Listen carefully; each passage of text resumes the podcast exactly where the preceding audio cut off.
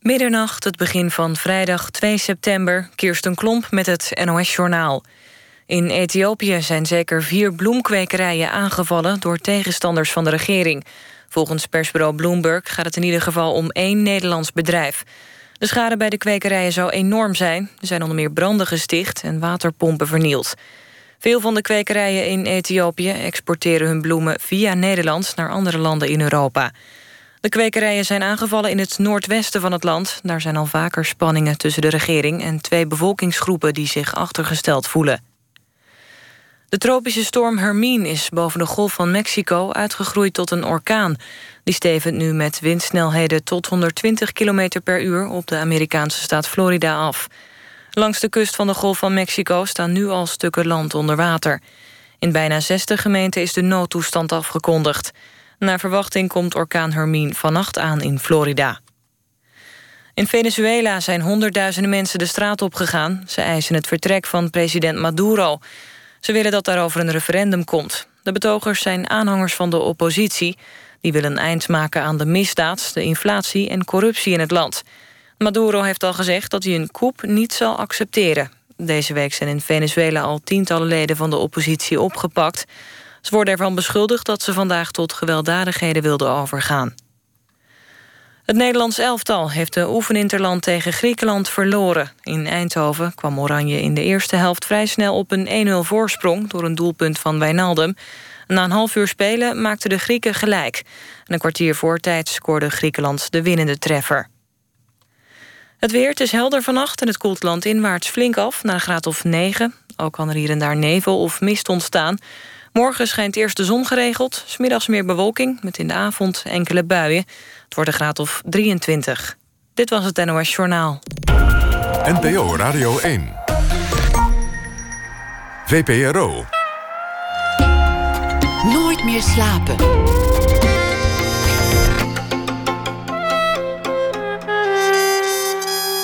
Met Pieter van der Wielen. Goedenacht en welkom bij Nooit meer slapen. Na één uur dat haute cuisine soms ook gewoon goor kan zijn... topchef Redzepi wordt gevolgd door programmamakers Maurice Dekkers. Hij experimenteert graag in de keuken. Hij is van het Deense toprestaurant Noma. En hij probeert het nu ook elders, soms met succes... maar Soms kan het gerecht nog wat uh, aandacht gebruiken. Muzikant David Kweksilber die komt op bezoek. Hij staat komend weekend in het Bimhuis met zijn big band... met een speciaal programma. En Elfie Tromp vat de voorbije dag samen... in de woorden van iemand die in het nieuws was. We beginnen met Ilko Bos van Roosentaal... want het worden spannende weken. De Amerikaanse verkiezingen die komen eraan. En terwijl Hillary Clinton traint voor een reeks vermoedelijk harde debatten met Donald Trump, is Trump op zijn beurt bezig met een vers team om zijn campagne opnieuw vorm te geven. De serie heet Droomland Amerika, vanaf 11 september te zien bij de VPRO televisie. En Bos van Roosentaal gaat op zoek naar het verhaal achter de verkiezingen. Is de Amerikaanse droom nog wel levend? Is Amerika niet meer great, zoals Trump beweert? Of is Amerika, Amerika altijd great geweest, zoals Hillary beweert. Hij bezoekt uh, armen in het rijke Californië van Silicon Valley. Hij ziet een van de meest gewelddadige delen van Chicago en hij bezoekt de Rust Belt, een gebied waar de staalindustrie is verdwenen en niks dan ruïnes heeft nagelaten. In Ohio is dat. Ilko Bos van Roosentaal, geboren in 1976, was correspondent voor de NOS in Washington en is nu journalist onder meer voor Nieuwsuur. Hartelijk welkom. Dankjewel. Er is nog een andere serie van, uh, van Eva Jinek, ook over Amerika. Die, die reist ook rond. Uh, ook in aanloop naar de verkiezingen. Allebei behandelen jullie uh, voor een groot deel dat thema van die Amerikaanse droom. Bij haar is het volgens mij, als ik, als ik een verschil zou moeten duiden, iets meer nog in leven. Bij jou meen ik te onderscheiden dat er wel reden is om te twijfelen aan het functioneren van de grote Amerikaanse droom. Ja, ik, ik heb bij Eva de eerste aflevering gezien. dat, ging, dat, ging heel erg, dat ging ook heel erg over immigratie en over mensen die nog naar Amerika willen komen. Over de, de, demografie ook, een land en de mensen die er wonen en hoe dat land langzaam van, van kleur verandert. Dat is ook een thema bij ons. Uh, en die, die, die aflevering is ook wel wat optimistischer uh, getint. Dat, dat doen we in Los Angeles. Maar goed, jij noemde net Ohio. Daar komt dan onze, onze eerste aflevering vandaan. Youngstown, Ohio. Echt, echt het, het, het ground zero eigenlijk van de, van de, ja, de economische klappen die Amerika gekregen heeft. De staalfabrieken die daar ooit stonden. Alle banen die na de globalisering naar Mexico bijvoorbeeld gingen. Ja, dat is niet een hele vrolijke plek. Uh, je noemde Chicago. Ik las vanavond nog, daar zijn uh, in de maand augustus 90 doden gevallen. Het hoogste dodental in 20 jaar door straatgeweld. Dat is ook niet een heel vrolijke plek. Dus ja, uh, we hebben gemeenschappen opgezocht waar de afgelopen jaren iets gebeurd is. Waar mensen um, klappen hebben gekregen.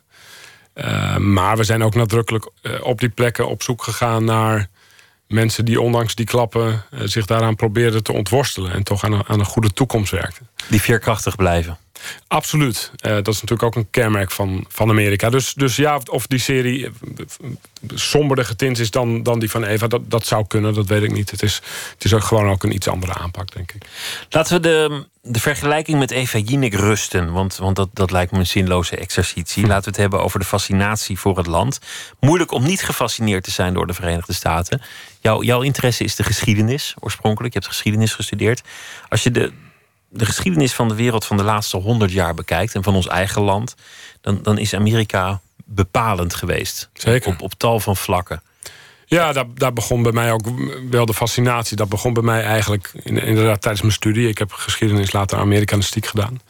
Um, en, en, die interesse begon inderdaad uh, bij, bij, het simpele feit... hoe is het mogelijk dat na de oorlog één land in zo'n tempo zich weet op te werken tot de supermacht uh, in de wereld. Uh, wat, is daarvoor nodig? Hoe, hoe kan dat?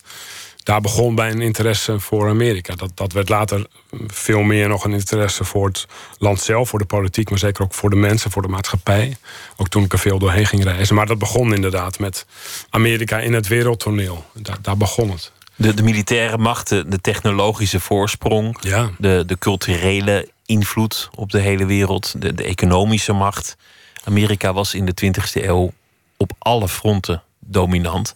En is zal dat, dat, in, in deze eeuw ook nog wel blijven. Is dat nu natuurlijk nog steeds? Ja. Amerika is in die zin nog steeds great, zoals, zoals Hillary zegt. Het lijkt ook wel alsof, alsof die naam van Trump als het ware boven die serie hangt. Alsof, alsof het jouw taak is als, als journalist om ook uit te leggen aan het publiek van ja, hij komt niet helemaal uit de lucht vallen. maar dat is, natuurlijk zo. Ik bedoel, hij, hij, um, wat je verder van hem vindt, um, en, en ik geloof dat het een redelijk eendimensionaal verhaal is bij hem. Maar natuurlijk komt hij niet uh, uit, uit de lucht vallen. Trump is een, uh, ten eerste een product van decennia lang um, republikeins, uh, republikeinse politiek, de Republikeinse partij, waar hij, die hem uiteindelijk naar voren heeft geschoven, althans de kiezers die hebben Trump als het ware gemaakt, omdat ze die groep kiezers eigenlijk decennia lang genegeerd hebben. Um, ze hebben tegen die mensen gezegd: we, we, horen jullie, we, we, weten wat er in jullie leven zich afspeelt, we zullen voor jullie zorgen. Maar intussen nam die Republikeinse Partij telkens besluiten in de politiek die volstrekt niet in het belang van die mensen waren. Die mensen werden warm gehouden door omdat hen beloofd werd dat ze hun culturele identiteit konden behouden. Dat ze hun, hun, hun, hun waarde, denk aan abortus, het homohuwelijk en zo konden bewaren. Maar economisch nam die partij het ene na het andere besluit over belastingverlagingen vrijhandelsverdragen met landen waardoor allerlei fabrieken verhuisden. Allerlei besluiten die volstrekt niet in het, in het voordeel waren van die groep kiezers. En dat moest een keer misgaan. En dat is dit jaar misgegaan. Uh, althans, de Republikeinse Partij had heel graag iemand anders dan Trump in deze positie gezien. Zeker nu ze zien dat hij nou, nog niet kansloos is, maar dat het wel heel erg slecht gaat met zijn campagne. En dat maar brengt Trump, ook in de, is, in... Trump komt niet uit de lucht vallen, dat klopt. Dat brengt ze ook in de merkwaardige positie dat, dat partijprominenten en, en uh, voorzitters van, van afdelingen de eigen achterban oproepen om vooral niet op de eigen partij te stemmen. Ja, maar um, het hele jaar blijkt al dat die achterban niet naar die prominenten luistert. Um, de bedoeling is juist om tegen die prominenten van de partij aan te schoppen. Natuurlijk. Dus ja. waarom zou je naar ze luisteren? Ja, Trump is wel een, een vrij uniek fenomeen in die zin. Er worden natuurlijk behalve een president in november nog een heleboel andere mensen gekozen. Van senatoren, afgevaardigden, uh, gouverneurs, noem het allemaal maar op. Er zijn honderden, zo niet duizenden verkiezingen over het hele land. En het is heus niet zo dat overal Trump-achtige types opstaan. Er zijn een heleboel gevestigde republikeinen, establishment-republikeinen, mensen die er al jaren zitten, die tot de elite behoren, die toch vrij gemakkelijk telkens worden herkozen. Mensen als John McCain of de leider van de Republikeinen in het congres, Paul Ryan, die hebben deze week allebei hun voorverkiezing gewonnen. Dus Trump is in die zin ook een vrij uniek fenomeen. En je kan je dus ook afvragen, want we zeggen het hele jaar al: Amerika is ontzettend boos. Nou, voor een deel klopt dat wel. Maar is Amerika zoveel bozer dan toen ik daar ging wonen, een jaar of tien geleden? Ik weet het eigenlijk niet. Trump is ook echt wel een, een redelijk uniek fenomeen. En als hij straks verdwijnt, en ik ben er wel van overtuigd dat hij straks verdwijnt.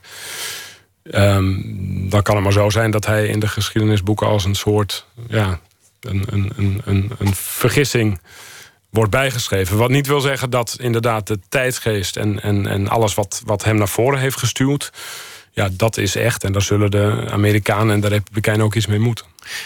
Alle peilingen geven je gelijk in wat je zegt. Er zijn bijna geen peilingen die nog een overwinning voor Trump voorspellen op dit moment. Als je, als je puur op peilingen afgaat, ziet het er slecht voor hem uit. Ja, we hebben nog tien weken, maar dat klopt. Maar tegelijk heeft iedereen de ondergang van Trump afgelopen jaar stelselmatig voorspeld. Hij zou Zeker. uiteindelijk de, de nominatie niet winnen en hij zou bij de volgende conventie afvallen. En ja. zo is doorgaan. Hij heeft elke keer verrast. In die zin zou ik eigenlijk mijn geld in mijn zak houden als het, als het aankomt op wedden. Ik ook. Uh, en dat is ook omdat er nog tien weken te gaan zijn. Dat hij tegen een ontzettend impopulaire uh, kandidaat het opneemt. Want Hillary Clinton is ontzettend impopulair. 60% van de Amerikanen vertrouwt haar niet. Uh, dat is ook omdat er nog altijd iets kan gebeuren. Uh, dat kan een grote terreuraanslag zijn, hoewel ik niet denk dat die in Trumps voordeel werkt. Maar er kan iets met Hillary Clinton gebeuren. Stel dat er een, een schandaal rond haar, en dat weet je bij de Clintons nooit. Dus nee, ik zou mijn geld ook nog niet uitgeven. Er is wel een groot verschil met die voorverkiezingen. Hij heeft daar, wat dat betreft de afgelopen dagen zijn ook wel interessant. Hij heeft bij de voorverkiezingen heeft hij die grote groep blanke, veel lager opgeleide kiezers voor zich gewonnen... door zoveel mogelijk naar rechts te gaan. Het is een traditie uit nood geboren, omdat je anders geen verkiezingen wint, om na die voorverkiezingen weer naar het, naar het midden op te schuiven. Dat heeft Trump niet gedaan. We dachten de afgelopen dagen even, toen hij Mexico bezocht om een speech ook over immigratie te houden, dat hij een beetje naar het midden op zou schuiven. Om ook wat gematigde kiezers in zijn kamp te krijgen. Nou, gisteravond werd duidelijk dat heeft hij absoluut niet geprobeerd. Hij houdt vast aan die ene tactiek, namelijk Misschien kan ik zoveel mogelijk, ik, ik chargeer het nu toch een beetje... ik maak het iets te simpel, maar boze blanke mannen... naar de stembus krijgen om die verkiezingen te winnen. Um, en, en hij, ja, dat, ik, ik denk dat de kans heel erg klein is dat dat gaat lukken. Want daarvoor zal hij echt zo'n nou, zeker 70 miljoen Amerikanen zover moeten krijgen om op hem te stemmen. Waar dat tot nu toe bij de voorverkiezingen 13 eh, miljoen waren. Maar goed, dat, dat zijn allemaal cijfertjes. En peilingen zijn ook cijfertjes. En Clinton ligt overal voor. Maar nergens gigantisch. De, de, de tijd van de, wat ze de landslide overwinningen noemen. Hè, echt gigantische overwinningen van 20 procentpunten verschil. Die tijd is voorbij. Amerika is daar veel te gepolariseerd voor. Dus er zullen mensen, absoluut miljoenen mensen op Trump gaan stemmen. Um, maar hij breidt zijn, zijn basis niet uit. Dat blijkt uit niets. Wat hij gisteren probeerde, hij is een beetje aan het zwalken in zijn, in zijn campagne. Dat, dat komt ook omdat hij adviseurs heeft ontslagen en weer aangenomen en dan weer andere aangenomen. En, ja, dat is een hobby. Het is een beetje een ravage in het, in het team en dat, dat leidt vanzelf tot een wat zwalkende koers. Gisteren vond ik wel interessant, want het leek wel zo op het ene moment alsof hij de staatsman uithing. Alsof hij al een beetje de president probeerde toen, te zijn. de Mexicaanse president bezocht. Ja, ja. en het andere moment is hij, is hij juist weer de, de tegenkandidaat. We gaan, we gaan even luisteren naar wat hij gisteren allemaal heeft uh, gezegd. Dat was niet, we gaan niet alles luisteren, maar gewoon een fragment. We will break the cycle of amnesty and illegal immigration. We will break the cycle. There will be no amnesty. We are going to end catch and release. We catch them? Oh, go ahead. We catch them? Go ahead. Under my administration, anyone who illegally crosses the border will be detained until they are removed out of our country and back to the country from which they came. Ja, wat je zei, een harde koers ineens. Uh, daarvoor leek hij wat mildere uitspraken te doen. Maar hier, nou ja, ineens. Dit, dit was natuurlijk zijn koers het hele jaar. Toch terug bij die, bij die oude, harde, harde koers van, van Trump. Is er kans dat hij gaat stoppen? Dat, dat, hij, dat hij helemaal niet de verkiezingen afwacht en in het aanschijn van slechte peilingen ineens afhaakt? Nee, dat, dat denk ik niet. Daar was eerder deze zomer wel, daar werd wel over gespeculeerd. Uh, kijk, wat wel vaststaat is dat Trump absoluut niet van verliezen houdt. Dat, dat het is ook niet iemand die verliezen zal erkennen. Het is, het is iemand die nooit in zijn leven verliezen heeft erkend. En die er ook eh, de, de waarheid niet over spreekt. Dus hij heeft een aantal faillissementen gehad. Maar hij zegt gewoon dat dat niet klopt. Ook al staat het zwart op wit. Hij heeft ook schulden waar hij waar die, uh, over zwijgt. Nou, waar hij niet over zwijgt. En als hij naar gevraagd wordt, ontkent hij het. Ik bedoel, het, het, is iemand die heel veel... in die zin ook wel een unieke kandidaat. Het is bekend, maar daarom niet minder waar. Het is iemand die heel veel liegt over, over een hele basis, basic dingen. Jij hebt een zwart jasje aan, of, of het is donkerblauw, kan hij helemaal zien. Hij zal zeggen dat hij rood is. En dan zeg je, ja, maar en, dat is toch echt zwart of blauw. Maar nee, die is rood. En dan geeft hij een hand en gaat hij weg. Dus op de, feiten zijn niet langer feiten uh, uh, bij Trump. En um, hij heeft iets gevonden, denk ik, op. Um, uh, stel dat hij inderdaad verliest. En hij zal zijn verlies niet graag erkennen. Wat heeft hij daarop gevonden? Hij zegt nu al, als ik verlies, dan is dat omdat de democraten hebben gesjoemeld met de uitslag. Hij heeft nu al, je kan je op de website van Trump kan je aanmelden als verkiezingswatcher. Zoals je dat bij de OVSE ziet in, in, in uh, bananenrepublieken. Hè? Um, dus hij, hij, bouwt in feite al um, een excuus in. Als ik verlies, dan is dat omdat de democraten met de hulp van de media de boel hebben belazend. Want schandalen liggen aan de media en nederlagen liggen aan, aan fraude. Het ligt nooit aan hemzelf. Zo is het dat kan, maar dat is misschien van later zorg. Maar dat kan natuurlijk enorme onrust en, en instabiliteit veroorzaken. Ik bedoel, ik denk niet dat meteen de revolutie uitbreekt. Maar het, is wel een ondermijnende factor als een van de presidentskandidaten van fraude gaat. Dat, daar wordt het in een land niet, niet stabieler van. Nee, het is ook vrij, vrij bijzonder. Want, want kijk, natuurlijk kennen wij de Amerikaanse politiek uh, en, de, en de politieke campagnes. En zeker voor de presidentsverkiezingen als hard en moddergooi. En nou ja, alles wat we er stiekem ook een beetje leuk aan vinden. Tenminste, als je kijkt naar de aandacht elke vier jaar voor de Amerikaanse verkiezingen.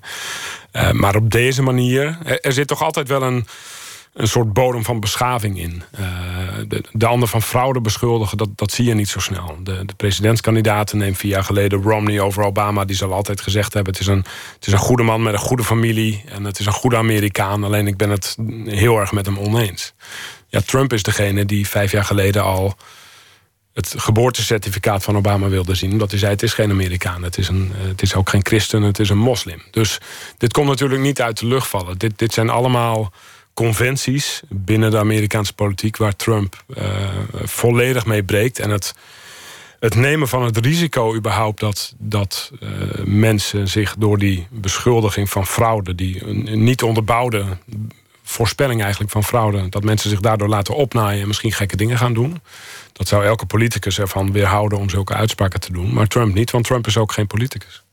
De debatten komen eraan, dat zal ook nog verschil maken. Dat, dat worden ongetwijfeld hele harde, hele cynische debatten. Eh, Bizarre debatten misschien wel, ja. Hillary is al aan het oefenen met, met stand-ins voor Trump. Werd gespeculeerd wie, wie, zou, wie zou nou Trump goed kunnen nadoen. Ze, ze hebben er nu één gevonden, las ik, las ik echt net toen ik hier naar onderweg ging. Maar daar stond niet bij wie, maar ze, dat willen ze niet zeggen. Maar ze hebben iemand uh, gevonden. Die, dat, die een goede Trump kan doen. Ja, die kennelijk een goede Trump in huis had. Ja. En Trump wil niet oefenen, want dat vindt hij onecht. Hij zegt dan verlies je je authenticiteit. Ja, hij, zal het heus, hij zal het heus wel een beetje doen. Maar van Trump is bekend dat hij geen enkel geduld heeft met... Uh, het, een van de betere verhalen van Trump is dat hij uh, urenlang of, of dagenlang... met zijn ghostwriter zou gaan zitten voor zijn beroemdste boek... The Art of the Deal. Zeg maar een soort autobiografie hoe hij succesvol is geworden in het zakenleven.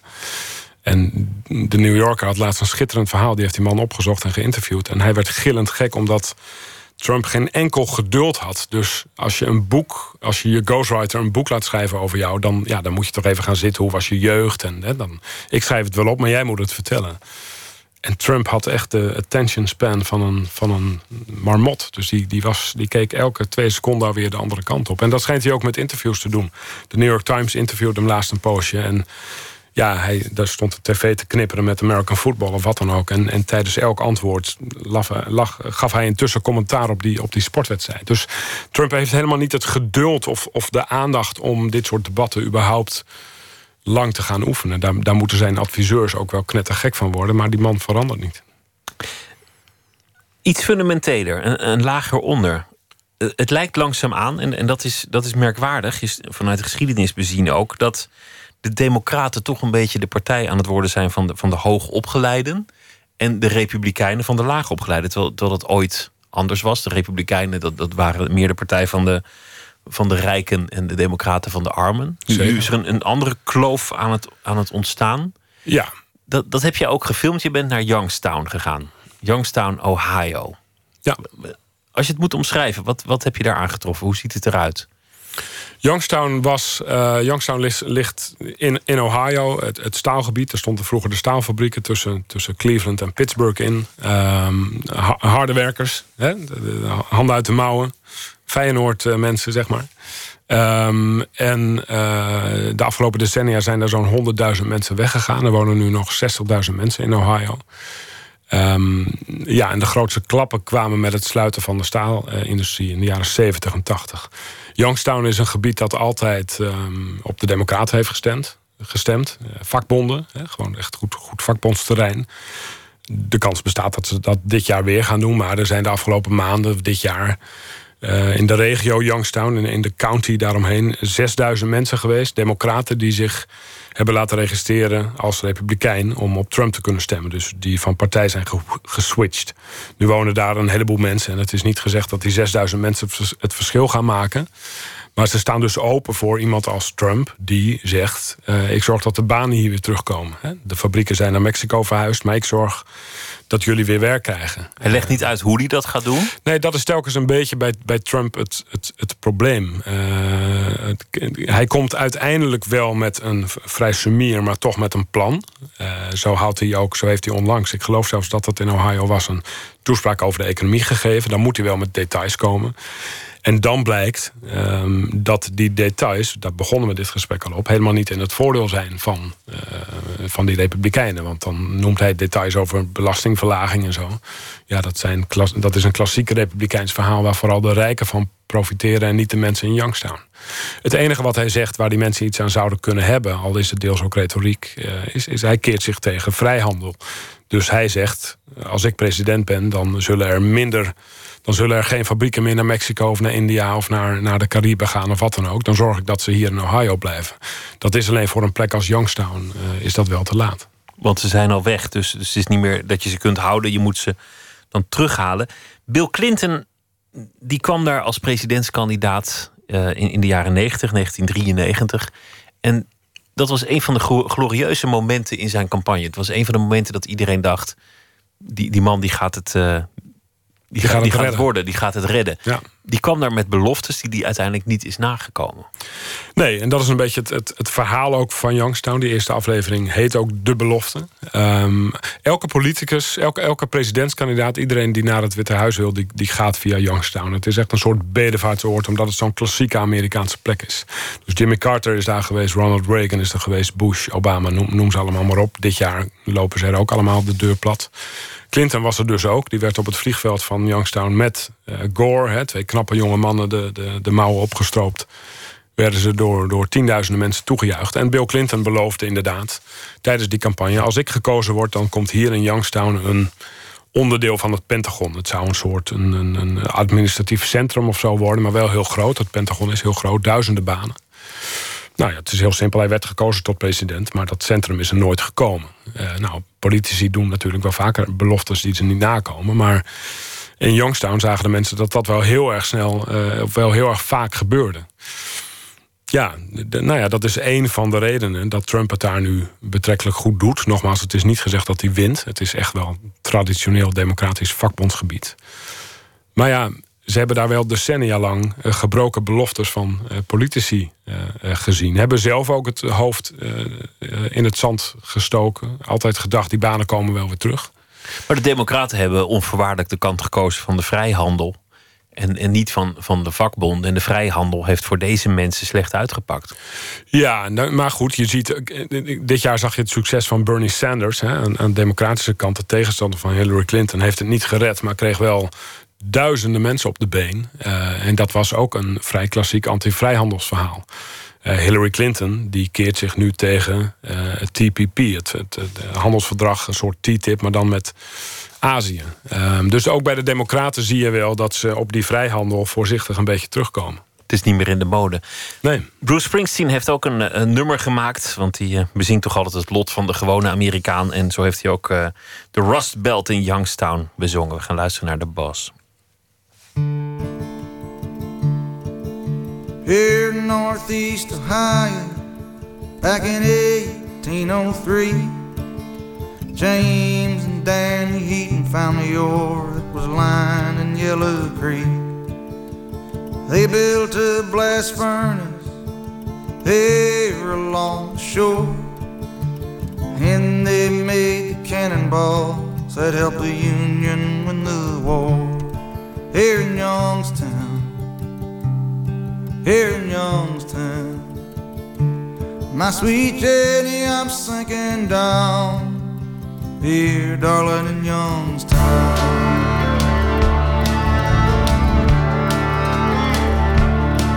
Well, my daddy worked the furnace, kept them hotter than hell. I come home from nine, work my way to Scarford, a job that suit the devil as well. Well, the taconite coke and limestone fed my children and made my pay. Them smokestacks reaching like the arms of God into a beautiful sky, soot and clay. Here in Youngstown here in Youngstown. Sweet Jenny, I'm sinking down here, darling,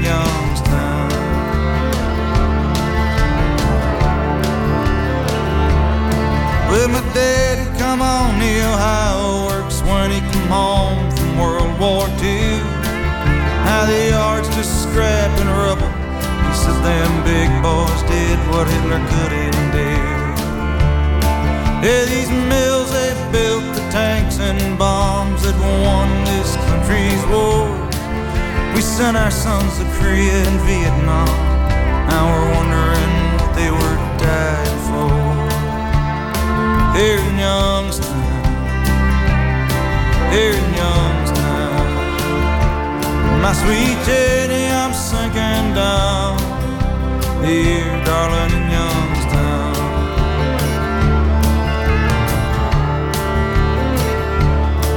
From the Monongahela Valley to the Mesabi Iron Range to the coal mines of Appalachia, story's always the same. 700 tons of metal a day. Now, so you tell me the world's changed.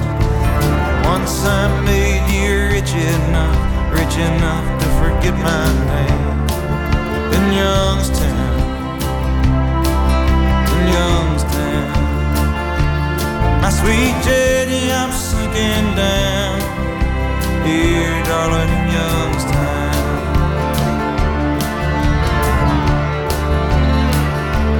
When I died on the part of heaven, I would not do heaven's work well. I pray the devil comes and takes me to stand in the fiery furnaces of hell.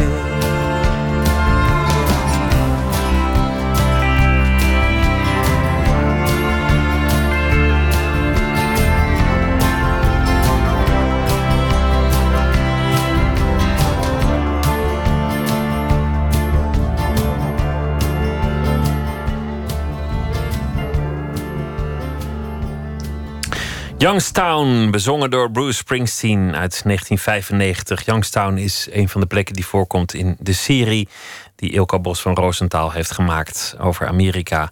Droomland Amerika. Het gaat steeds over uh, de achtergrond van, van de verkiezingen. De mensen die de verliezer zijn van, van wat er allemaal gebeurt in de Verenigde Staten. Maar het gaat ook over de veerkracht. Mensen die met nieuwe initiatieven komen.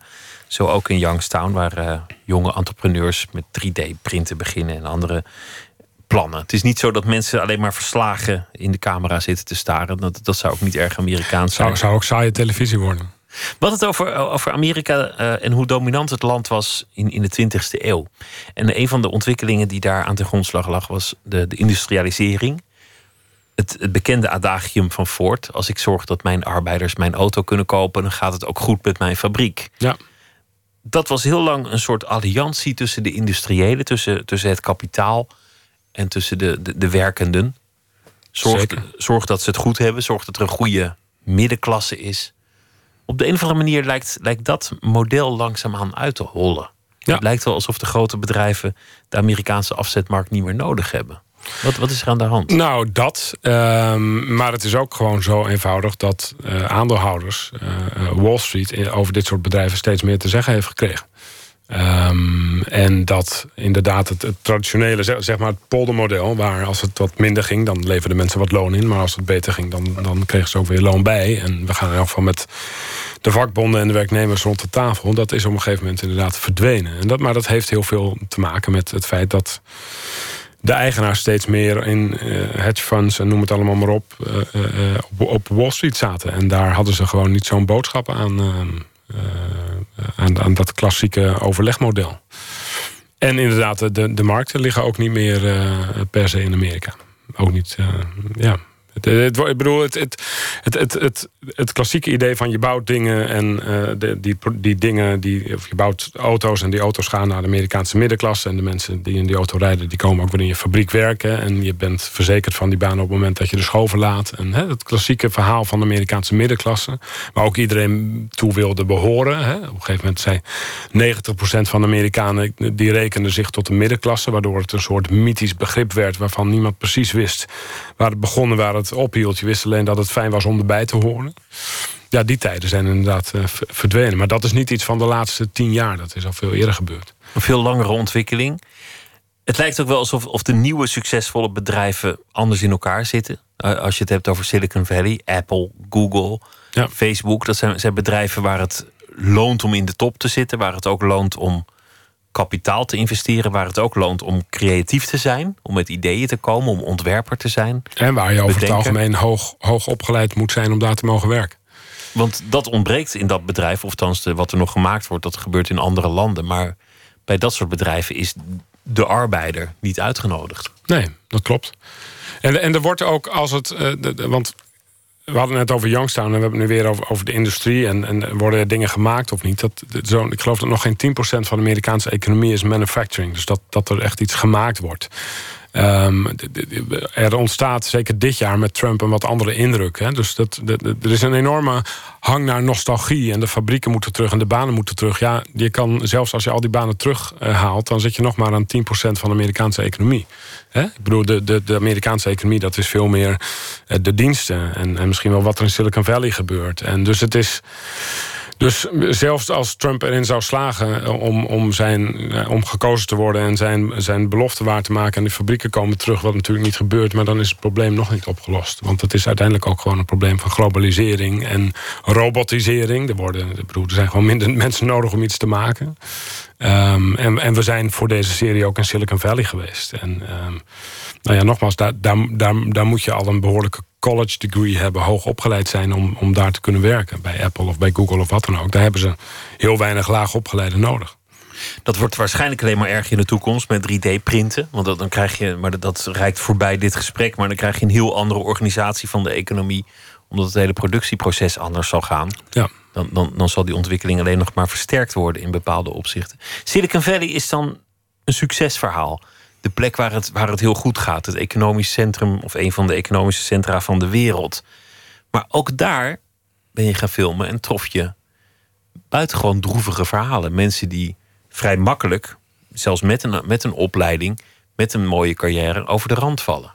Ja, omdat het ook een hele harde plek is. Ehm, het, het, is sowieso de plek eh, waar de, inkomsten, de inkomensverschillen in Amerika te groot zijn. Hè. Ik geloof dat San Jose of Palo Alto maar een van de steden in in uh, Silicon Valley, dat is zeg maar het duurste postcodegebied van Amerika. Maar je treft er ook totale armoede aan. Het aantal daklozen in Silicon Valley, dat is, dat is niet te tellen. Um, en, en de bedrijfscultuur is hard. Ik bedoel, die, die, die vakbonden waar we net over hadden. Um, en en, en nou ja, toch, toch de, de, de arbeidsbescherming en de baanzekerheid. En dat is natuurlijk bij Silicon Valley. Je kan ontzettend snel rijk worden. Het kan ook ontzettend snel weer misgaan. Um, Silicon Valley zit vastgeknoopt aan Stanford University, waar alle, alle bollebozen vandaan komen. Nou, we hebben iemand gevolgd die daar professor was, die was die baan kwijtgeraakt. Ja, dan houdt ook gelijk alles op.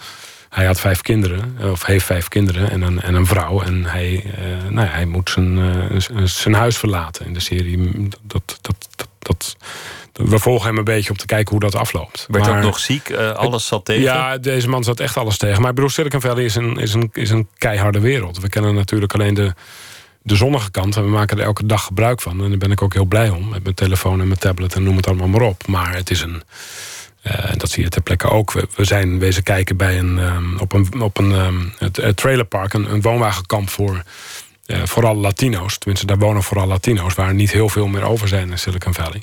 Nou ja, die mensen moeten plaatsmaken. Dat is door een ontwikkelaar opgekocht... en die wil daar dure appartementen neerzetten... voor de technologie, voor jonge technologiemensen. Want daar kan die bakken met geld mee verdienen. Nou ja, dat is ook Silicon Valley. Maar het is ook een wezenlijk andere cultuur. Het is, het is altijd een neiging die je hebt als Europeaan... om, om te kijken naar naar de Verenigde Staten of ieder land ter wereld en te denken: nou ja, dat moeten we naar Europees model vormgeven. En er zijn ook heus Amerikanen die dat wel willen, maar de essentie is: we doen het lekker zelf wel. We organiseren het zelf wel. We willen niet dat de overheid op onze rug gaat zitten om dit op te lossen. Ook in dit geval. Die, die jongen die, uh, die moet met het hele gezin zijn huis uit. Maar, maar die organiseert dan een fundraiser. Ja, dat, is, een dat benefiet. is.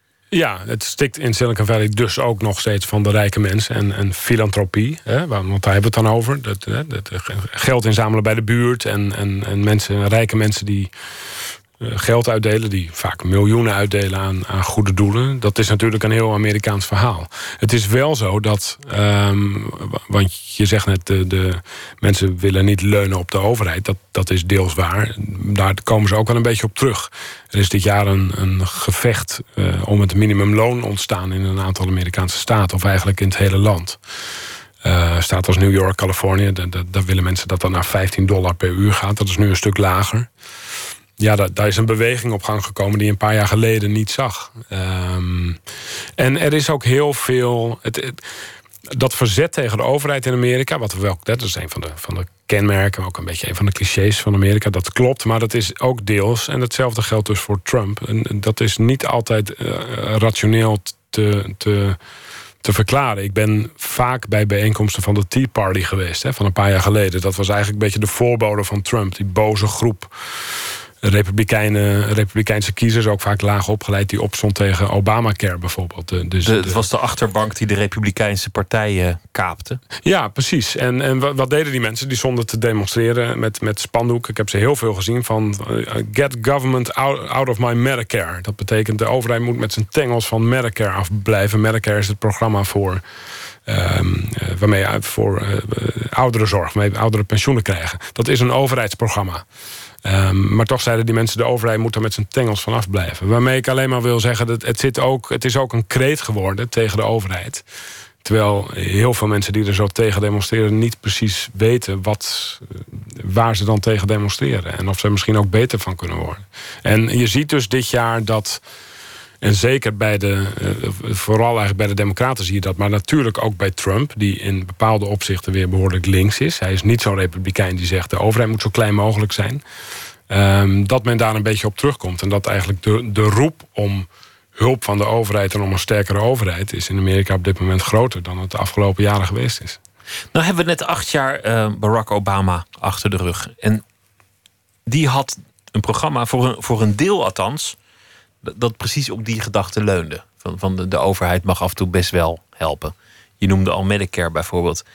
Toch, toch heeft hij wezenlijk niet veel veranderd. In, in jouw serie blijkt dat, dat het leed, het verdriet, de onvrede, de woede in heel veel hoeken niet kleiner is geworden. Ja, maar weet je, ik, hij heeft toch wel veel veranderd. Dan mag iedereen zelf uitmaken of dat ten goede of ten, ten slechte is, maar ten kwade is. Maar als je, als je, en dat is volgens mij de beste manier om het te meten, als je kijkt wat Obama beloofd heeft aan zijn achterban destijds en wat hij heeft waargemaakt, dat, dat is een hoop. Um, Obamacare is wat het meest in het oog springt. Hè. Er zijn 20 miljoen mensen meer door verzekerd. Um, maar het zijn ook dingen die misschien in Nederland niet gelijk de voorpagina halen. Uh, don't ask, don't tell. Dat betekent, dat heeft hij afgeschaft. Dat betekent homo's mogen openlijk in het Amerikaanse leger dienen. Um, het, gaat om de strijd voor gelijke lonen bij vrouwen, waar hij zich hard voor heeft gemaakt. Hulp aan studenten, uh, kinderen van uh, ouders met lage inkomens. Um, geld voor infrastructuur, uh, broeikasgassen die voor 2030 met 30% moeten worden teruggebracht. Dat zijn alle, als je alles bij elkaar optelt, dan heeft Obama een heel, eigenlijk een heel klassiek progressief programma. Vroeger had je Roosevelt, Johnson. Nou, dat, dat, dat, in die tijd waren dat hele grote stappen die werden gezet.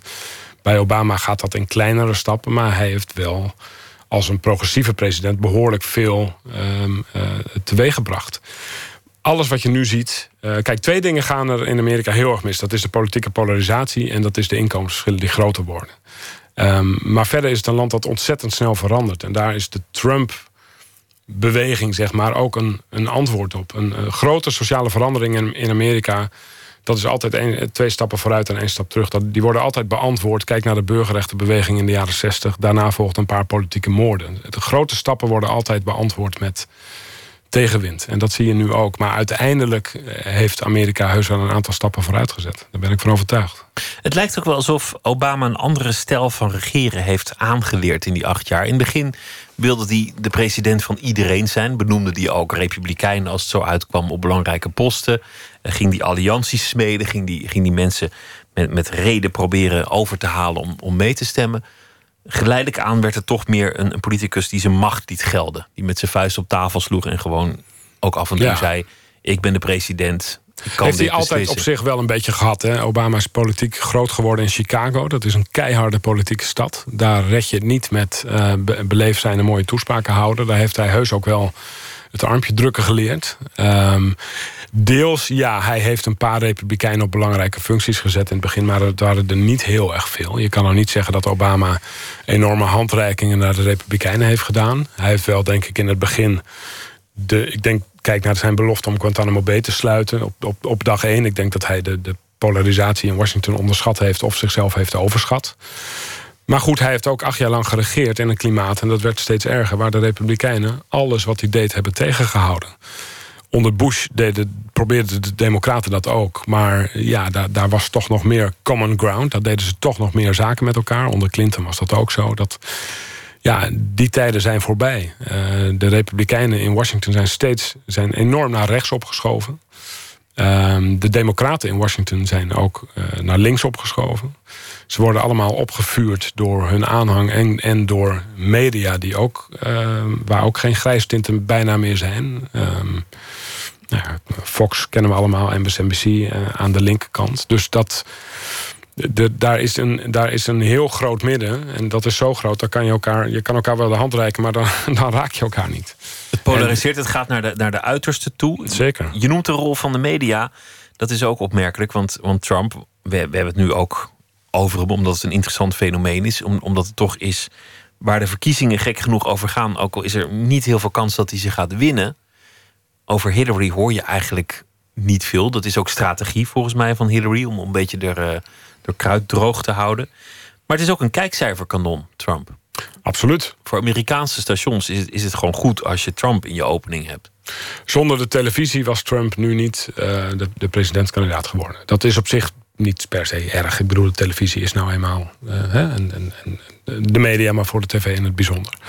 Nee, maar dat is absoluut waar. De, baas van CNN, eh, die, heeft zelf ook gezegd van, uh, of de baas van CBS was dat, die heeft ergens gezegd op een, op een panel van, van ja, het, of het goed voor Amerika is, moeten we nog maar afwachten. Maar Trump is great for our ratings. En zo is het hele jaar gegaan. Heeft een, er is niemand die zo weinig geld heeft hoeven uitgeven... en zoveel gratis publiciteit heeft gekregen als Donald Trump. In het begin was dat niet logisch. Op een gegeven moment leidt hij in de peilingen. Ja, dan zou het heel gek zijn om hem, om hem niet die aandacht te geven. Maar kijk, Trump heeft van politiek weinig verstand. Het is niet een politiek uh, handig iemand, dat blijkt uit alles.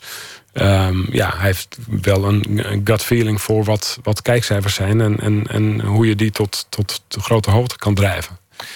Het lijkt ook zo te zijn, althans dat, dat, dat las ik op een aantal plekken... dat radio- en televisiestations betere scores behalen wanneer ze kant kiezen. Wanneer ze niet objectief verslag doen van wat er aan de hand is, maar ze gewoon zeggen: wij zijn een Trump-zender. Wat was Trump weer goed vandaag? En ja. maar goed dat Trump er is. Nou ja, dat, het bekendste voorbeeld nogmaals daarvan is Fox News. Dat is de best bekeken nieuwszender van Amerika. Verreweg. Um, ik denk dat CNN daar nu nummer twee is en niet MSNBC. Je hebt, je hebt MSNBC zit op links, Fox op rechts. CNN pretendeert, en dat is denk ik ook wel zo, daar, daar redelijk tussenin te zitten. Um, ja, en wat je heel erg ziet, de, de baas van de Trump-campagne is, uh, dat is een nieuwe baas en die leidde tot voor kort Breitbart. Dat is een hele rechtse uh, website, een, een, nieuwsorganisatie die in één keer deze, de, deze verkiezingsperiode vrij prominent is geworden. Um, mensen begraven zich, en dat zie je aan de linkerkant en de rechterkant heel snel, heel vaak en steeds vaker in hun eigen gelijk. En, en zien alleen nog maar de kabelstations Ehm, waar ze het bij voorbaat mee eens zijn. Ze, ze klikken op Facebook alleen nog maar, het is allemaal gewoon uitgezocht, de berichten aan uh, die vrienden hebben gepost waarvan ze weten, hier ben ik het mee eens. Uh, wat je gewoon steeds minder vaak ziet. Um, is dat mensen ook denken van ja, dit, dit, ik ben het hier denk ik niet mee eens, maar ik ga dit eens lezen. Want eh, dat, dat, is, dat kan je tegenwoordig natuurlijk allemaal uitzoeken. Dus je Facebook-muur die, die kleurt of blauw of rood, af, afhankelijk van, van wie je vrienden zijn. Ja. En, waarschijnlijk zitten die een beetje in dezelfde hoek als jij zelf. Het dan zo, zo, zo gaat dat. Ja, misschien gaat het hier ook wel deze kant op. Maar goed, dat is dus het aardig omdat je, omdat je online alles kan bijhouden. Dit is echt gewoon uitgezocht. Um, en, en ja, dat betekent ook dat uh, mensen in hun um, boosheid, denk ik, uh, ja, worden versterkt. Er is, er is zelden iemand die tegen Amerikaanse kiezers zegt van ja goed, maar je kan het ook eens van de andere kant bekijken. Althans, dat wordt misschien wel gezegd, maar daar wordt niet zo snel naar geluisterd. Hoef je nog niet daar uit te komen, maar je kan in elk geval eens kijken. Dus ik, dat merk je ook als je rondreist door het land. Dat, dat heel veel mensen zich gewoon heel erg begraven in, hun, in de positie die ze al uh, hadden ingenomen. Maar goed, dat kom je in Nederland toch ook wel tegen. Zoals, zoals destijds de verkiezing van Kennedy de eerste televisieverkiezingen waren, zou je kunnen betogen dat dit de eerste echte social media verkiezingen zijn. Ja. Weliswaar heeft Obama dat al, al heel erg gebruikt in, in 2008. Maar wat je nu zegt, dat mensen zich zo kunnen begraven in het eigen gelijk. Ja. En dat, dat de traditionele stations daar nauwelijks nog doorheen breken. Dat, dat is volgens mij nog niet eerder in, op die mate aan de hand geweest. Ja, nee, dat zou kunnen. Ja, ik, ik, ik geloof wel dat Trump uh, op, op social media veel meer losmaakt dan, dan Hillary Clinton, die nu ook een beetje stil zit, inderdaad. En dat is misschien ook wel verstandig, want op een moment kan je Trump. Af en toe kan je Trump beter laten uitrazen. En oh, zeker als je zo impopulair bent als Clinton zelf, dan kan je beter in een hutje op de hei uh, gaan zitten. En dat is wat ze af en toe lijkt te doen. Want wat ze ook doet, ze wordt niet aardig gevonden. Nee, uit, uit, kijk, kijk Clinton, is, Clinton was op haar populairst toen ze minister van Buitenlandse Zaken was. Dat is een vrij apolitieke uh, functie. Uh, dan bemoei je je niet met de binnenlandse politiek, dus met zaken als Obamacare of het congres, daar heb je relatief weinig mee te maken. Je reist over de wereld, je vertegenwoordigt je land. Je gaat niet naar politieke conventies, dat is een beetje not done. Dus toen was ze enorm populair. Bij Clinton zie je al haar hele leven lang, en we, we kennen er ongeveer al haar, althans bijna hele leven lang, ze gaat al 30 jaar mee. Um, zie je dat ze, zodra het politiek wordt, dus zodra ze op campagne gaat, dan duikelen die populariteitscijfers enorm. Zodra ze vervolgens een functie bekleedt, um, senator bijvoorbeeld, want dat is ook geweest, dan is ze weer behoorlijk populair. Dat kan dus straks ook gelden als ze president zou zijn, behalve dat dat weer een hele politieke baan is. Maar op campagne, en dat heeft met van alles te maken, met haar verleden, het, er zit ongetwijfeld ook seksisme bij. Maar ze krijgt ook een campagnetoontje. En ze trekt ook een campagnegezicht. Ja, ja, dat is waar. En toch denk ik dat bij een man um, die, die, datzelfde gezicht trekt... dan vinden we het, uh, god, wat een, wat een fijn assertief of duidelijk type. En dat trekken we misschien bij een vrouw, ik zeg we, maar de, de, de, kiezers uh, ook wel minder goed. Ik bedoel, ik geloof niet dat de seksisme de basis is van Clintons problemen. Die problemen zijn veel groter en heeft ze deels ook aan zichzelf te wijten. Maar ik denk wel dat het meespeelt. Laten we het nu even hebben over jouw werk. Want je bent uh, correspondent geweest uh, in de Verenigde Staten. Um, vrij lange tijd. Je was het misschien wel langer gebleven. Je hebt nu deze serie gemaakt. Hoe is het om als Europees journalist in Amerika te werken? Want de deuren gaan niet echt voor je open, volgens mij. Jawel. Ja? Nou, de deuren gaan niet open bij het, uh, bij, bij, het Witte Huis.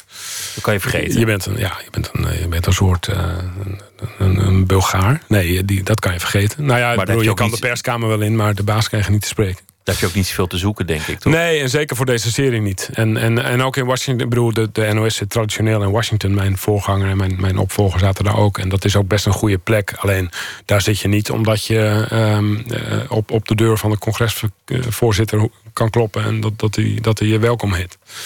Um, dat, nee, die, die, als Nederlandse pers zeker, maar het geldt ook voor de BBC. En zeker in een verkiezingsjaar kom je eigenlijk helemaal niet bij de mensen in de buurt. En dat hoeft ook niet. En dat hoefde voor deze serie zeker niet. We zijn wel in Washington bij de laatste aflevering. We komen daar min of meer bij toeval ook wel een politicus tegen, maar we zijn er niet naar op zoek gegaan de NOS zou net zo goed in New York kunnen gaan zitten, wat dat betreft. Ja, weet je, er zijn steeds meer Nederlandse media naar New York vertrokken. RTL zit er altijd al. Uh, nou, ik weet niet aan mijn hoofd, maar de, de Volkskrant zit er nu ook sinds een paar jaar. Um, in Washington zijn geloof ik alleen NRC Handelsblad en de NOS nog over. Jij reist rond en dan willen mensen wel met je praten, met, met je cameraploeg je bent naar Chicago gegaan, vlak bij de oude buurt van Barack Obama. Een van de, de gewelddadigste stukken van de Verenigde Staten. Het wordt al Chirac genoemd, Ja. naar, eh, naar Irak, omdat het daar ook een soort oorlogsgebied is. Jij draait op een zeker ogenblik, je rijdt mee met een jongen die, die freelance journalist is en, en als een soort ambulancejager probeert eh, de, de alarmkanalen te volgen. Ja. En dan ben je getuige van een crime scene waar net iets is gebeurd. Het is stervenskoud. Ja. Je moet achter de lijn blijven. Ja, dat bleek uiteindelijk ehm, eh, een, een, een, een, vrij kleine zaak te zijn. Er werd een auto beschoten. Dat was geloof ik vooral een, waarschuwing. Eh, wij waren daar inderdaad bij Hans Pool, mijn, mijn regisseur. Mijn geweldige regisseur. Die, die, eh, en ik en de geluidsman, wij waren dat aan het filmen. Maar deze jongen inderdaad, die, die rijdt met veertien antennes op zijn, op zijn dak... rijdt hij eh, elke nacht de garage uit. En ja, wat je zegt, ambulance chasing. Dus hij heeft de politiescanner en de, en de, zieke, de, de ambulancescanner... en noem het allemaal maar op. En hij gaat achter al die dingen aan. En dan heb je het behoorlijk druk, want... ehm, ik, ik zei daar straks al, geloof ik, 90 doden in Chicago in de maand augustus. Dat is een, is een zeer gewelddadige stad. Dat, dat komt uit op zo'n zo'n 700, 800 doden dit jaar. Ehm, ja, dat is aan de Southside, want daar gaat het dan over. Dat is inderdaad de buurt waar Obama ook als buurtwerker is begonnen. Een overwegend zwarte buurt. Ja, is dat doodnormaal. En zeker in de zomer, in weekenden daar dan...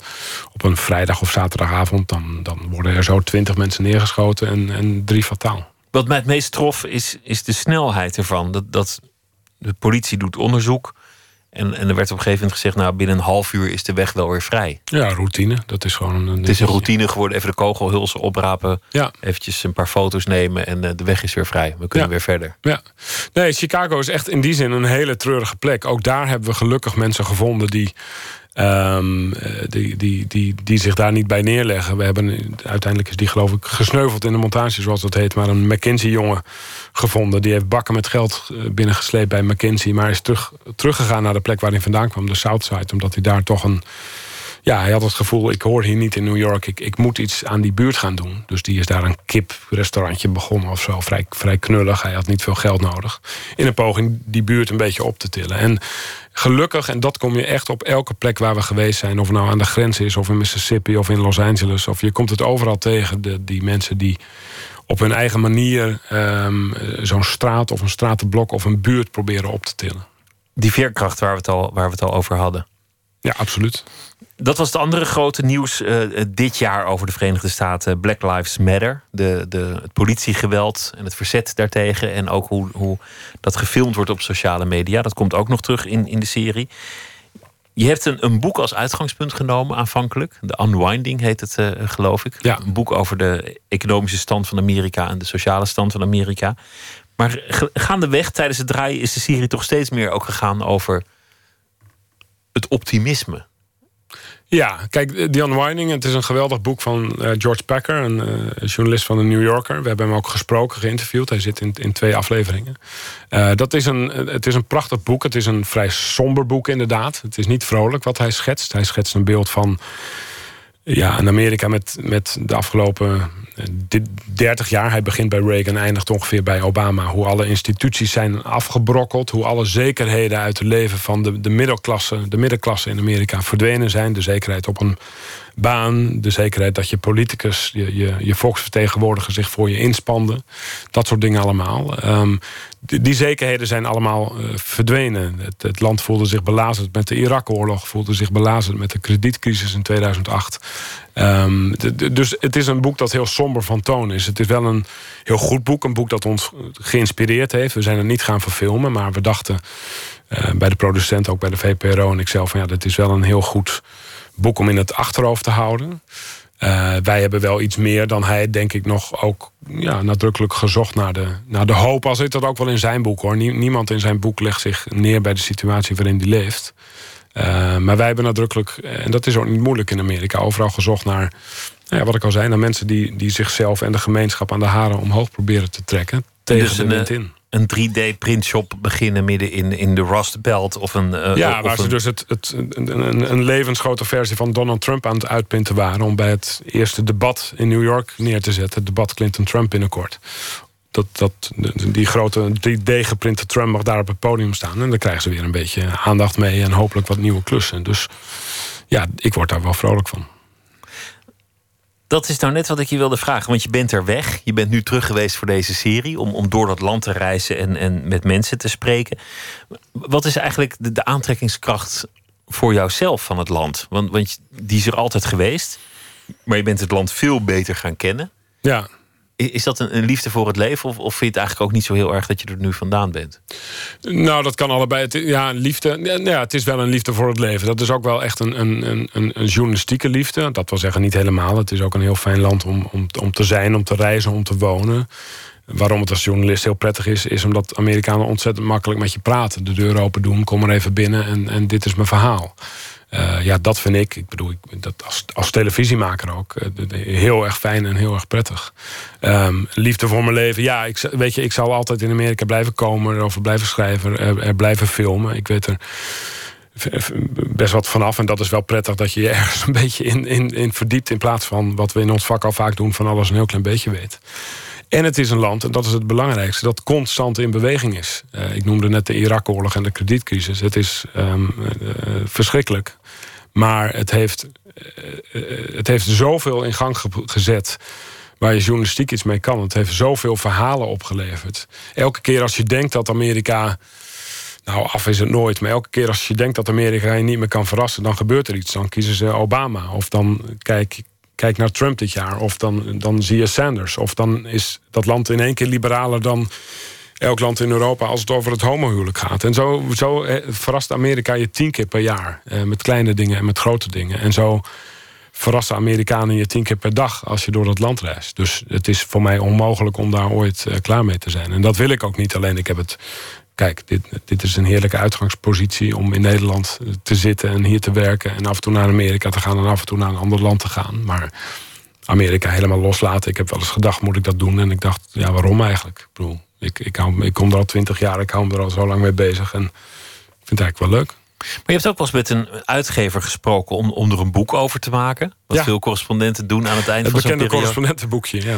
En, en, in jouw geval nou, was, was volgens mij iedereen het erover eens dat, dat het een goed idee was. En, en, vervolgens gebeurde er niks. Nee, nou ja, het schijnt, dat hoorde ik van jouw redacteur nog steeds op een website met titel en cover en al. Ik, ik geloof dat de herdruk in december uitkomt. Dat staat op de site, wat heel knap is, want het boek is nooit geschreven. Nooit geschreven. Nee, ik ben eraan begonnen en ik had het, ja, en ik wil het nog steeds afmaken. Maar dat, ik heb mezelf. Uh, overschat. Want ik dacht dat in een verkiezingsjaar, want dat was 2012, er wel even bij te kunnen doen. En dat, dat is de, de korte versie. En dat kan ik. Dat is gewoon helemaal niet gelukt. Ik was daar veel te druk voor.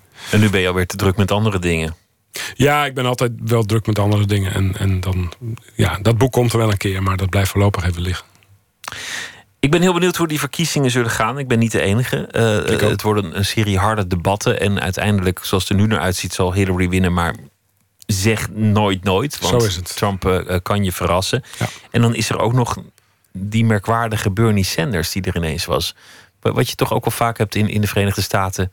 Een partij kiest een genomineerde. Ik denk aan, aan Ronald Reagan halverwege de jaren zeventig. Hij werd het niet en, en, ineens dacht iedereen... Waarom, waarom werd hij het eigenlijk niet? Zou waarom... het ook nog kunnen dat Bernie Sanders nog niet helemaal uitgerangeerd is? Nou, gezien de leeftijd van de man, ik, ik weet niet precies, 74 of zo. Nee, ik, ik geloof. Ja, je bedoelt dat Reagan later nog een comeback maakte. En, uh, Vier jaar later, zoals Hillary dat nu ook uh, doet. En... Nee, het, ik denk het niet. Het lijkt me ook niet verstandig. Ik bedoel, no, ja, de Sanders is dan echt 78. Ik, ik vind Hillary Clinton al aan de, aan, de, aan de oude kant. Dat bedoel ik niet flauw, maar ik, ik, het zou goed zijn geweest voor de Democratische Partij als ze uh, niet twee mensen van rond de 70, maar wat, wat jongere kandidaten naar voren hadden geschoven. Ik vind dat de Democratische Partij zich nou, met Clinton niet heel erg afficheert als een moderne partij. Um, voor, voor de Republikeinen geldt dat overigens ook niet. Uh, nee, ik, ik geloof dat Sanders wel, wel klaar is. Dat neemt niet weg dat Sanders met zijn boodschap uh, iets teweeg heeft gebracht... Wat ook, waar Clinton iets mee moet en waar de Democratische Partij iets mee moet. En de komende jaren echt iets mee zal moeten blijven doen. De vraag is want jij zei eerder dit gesprek, en, en dat is ook zo... dat, dat de hoogopgeleide Amerikaan die vaak in de stad woont... Hè, die is nu veilig voor de democraten. De, working class Amerikaan die vroeger bij de democraten hoorde... die, die is inderdaad, die schuift naar de republikeinen op. De democraten hebben verder nog de minderheden. Dat is, dat is redelijk veilig, hè, de Latino's en, en, en, en de zwarten. Maar goed, dat, dat, dat is weliswaar een, een grote basis... maar ook weer, als je puur kijkt naar de bevolkingsgroep, een vrij beperkte basis. De hoogopgeleide, de, de, de zwarte en de Latino's. Ik overdrijf het natuurlijk, maar dat is wel een beetje de.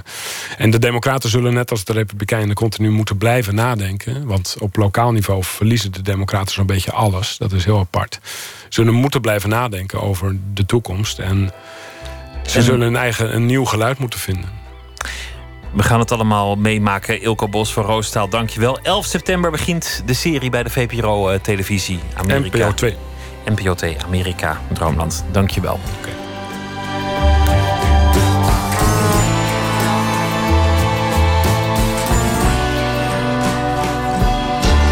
Op Radio 1, het nieuws van alle kanten.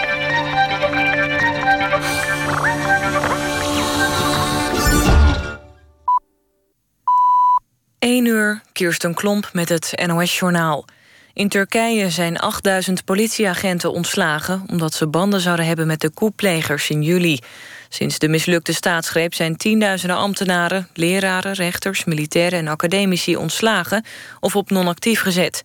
De regering zei ook dat rechters en aanklagers die met pensioen zijn... zich de komende twee maanden kunnen aanmelden om weer te gaan werken... Het Turkse justitiële apparaat is verzwakt geraakt... doordat ruim 3000 mensen zijn ontslagen. In Ethiopië zijn zeker vier bloemkwekerijen aangevallen... door tegenstanders van de regering. Volgens persbureau Bloomberg gaat het in ieder geval om één Nederlands bedrijf. De schade bij de kwekerijen zou enorm zijn. Er zijn onder meer branden gesticht en waterpompen vernield. Veel van de kwekerijen in Ethiopië exporteren hun bloemen via Nederland... naar andere landen in Europa. De kwekerijen zijn aangevallen in het noordwesten van het land. Daar zijn al langer spanningen tussen de regering en twee bevolkingsgroepen die zich achtergesteld voelen. De bestuurder van de boot die betrokken was bij het dodelijke ongeluk op de Reelwijkse plassen wordt niet vervolgd. Bij het ongeluk vorige week kwam een jongen van negen om het leven. Volgens justitie was de oorzaak een technisch mankement. De jongen raakte gewond toen hij tijdens het varen werd geraakt door de schroef van de boot. Hij overleed in het ziekenhuis. Het is nog onduidelijk hoe de jongen door de schroef is geraakt. Daar wordt nog verder onderzoek naar gedaan. Daphne Schippers heeft op de 200 meter weer verloren... van de Jamaicaanse atlete Elaine Thompson. Bij de Diamond League-wedstrijden in het Zwitserse Zurich... leek Schippers te gaan winnen... maar vlak voor de eindstreep ging Thompson haar toch nog voorbij. De Jamaicaanse was op de Spelen in Rio ook al sneller dan Schippers op de 200 meter. Het weer, het is helder vannacht en het koelt landinwaarts flink af... naar een graad of 9. Ook kan er hier en daar nevel of mist ontstaan. Morgen schijnt eerst de zon geregeld, smiddags meer bewolking... en in de avond dan enkele buien. Het wordt een graad of 23. Dit was het NOS Journaal. NPO Radio 1. VPRO. Nooit meer slapen.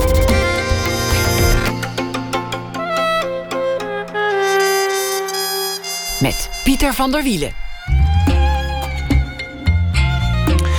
Restaurant Noma in Kopenhagen, maar liefst vier keer tot beste restaurant ter wereld uitgeroepen. En op de top van de roem besloot de chef het restaurant te sluiten om het tijdelijk te proberen in Tokio. Een experiment met vele kanten, vastgelegd door documentairemaker Maurice Dekkers. Die hoort u zo meteen. Clarinetist en saxofonist David Kweksilber komt op bezoek. Hij heeft nieuwe composities gemaakt voor zijn big band. Maar we beginnen met Elfie Tromp. Zij is schrijver en zal deze week elke nacht een verhaal maken bij de voorbije dag. Elfie, goeienacht. Hallo, hallo, daar ben ik weer. Ja, ik ook. Um, vertel eens, wat was het voor dag? Uh, voor mij een buitengewoon drukke dag. Um, maar, dus ik had mijn stukje eigenlijk... Uh, ik heb gesmokkeld. Pieter, ik heb gesmokkeld. Ik geef het eerlijk toe. Ik heb het gisteren al geschreven. Maar het was uh, dermate actueel dat vandaag... hoorde ik net het nieuws dat het weer homeless is in Turkije. Er zijn weer allerlei mensen ontslagen, politieagenten. En uh, dat heeft natuurlijk allemaal uh, te maken met de vermeende koeplegers... en wie ze de evil genius, waarvan ze denken dat hij erachter zit, Gulem. Ik hoop dat ik het zo goed zeg. Um, en ook hier in Nederland hebben we daar uh, de weerslag van. ik las deze week dat er meer dan 150 basisschoolkinderen niet zijn opkomen dagen of thuis zijn gehouden van vermeende Gulem-scholen. Of Gulem-sympathisanten um, die die scholen runnen. En um, ook onze minister-president zwaait met zijn vinger en die zegt... ach, die kinderen, het mag toch niet over de rug van onze arme, arme kinderen uitgespeeld worden. Uh, zodat we het maar ja niet hebben over het mislukte integratiedebat. En um, toen dacht ik, hoe grappig zou het zijn als misschien die kinderen die nu weggaan van die Gulumscholen maar naar andere scholen moeten, eigenlijk onbedoeld een stap in die integratie is, in die Nederlandse identiteit. Dus ik heb een monoloog geschreven vanuit het kind. Ga je gang. Oké. Dus het is het kind dat thuis zit, dat weg wordt gehouden van zijn school. Ik mag niet naar school. Mijn school is van de verkeerde baas, zegt mijn vader. Hij zit de hele dag in het theehuis, komt opgefokter thuis dan hij wegging. Als ik mee mag met boodschappen doen, dan zien we hem zitten. Vinger in de lucht, rode konen van het praten. Als mijn vijgje maar kan bidden, zegt mijn moeder. Onze Gukchan mag geen kaffer worden. Maar de scholen van de goede baas zitten vol. Er zijn er blijkbaar niet zoveel van hier. Het is net illuminatie, zegt mijn broer. Ik weet niet wat dat is, maar het is niet goed. Hij wijst naar mijn Donald Duck. Het zijn de zware jongens. Je weet nooit wat ze doen of waar ze zitten. Ik vind de zware jongens grappig, want ze maken domme fouten. Tijdens het eten hebben ze het over een koep, maar ik ken alleen koep Soleil. Dat heeft de buurvrouw, witte strepen in het haar. Ik zit thuis en mijn klasgenoten niet. Sommigen zie ik in de moskee, maar daar mag ik niet meer naast zitten. Ze zijn fout, zegt mijn vader. Ik denk aan de zware jongens en moet lachen, dan krijg ik een tik. Het zijn serieuze tijden, zegt hij. Er komt een Nederlander langs met een gat in zijn sok. Hij heeft het over leerplicht.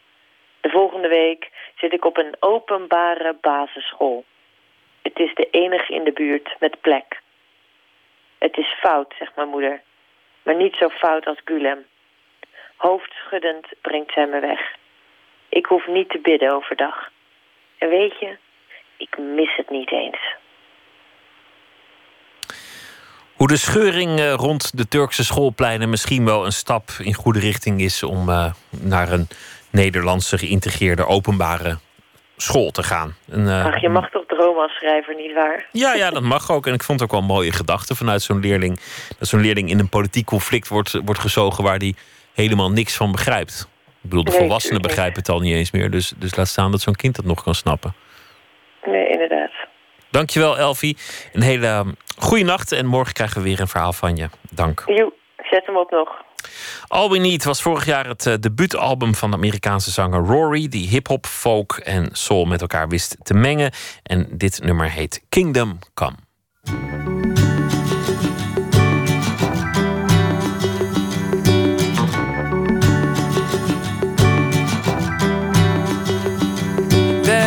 People lying, children crying, wonder why this earth is dying. Yeah, she's dying, yeah. Oh, yeah. There's preachers sinning, evil winning. Times I fear this world is ending, world is ending, yeah. Oh, yeah.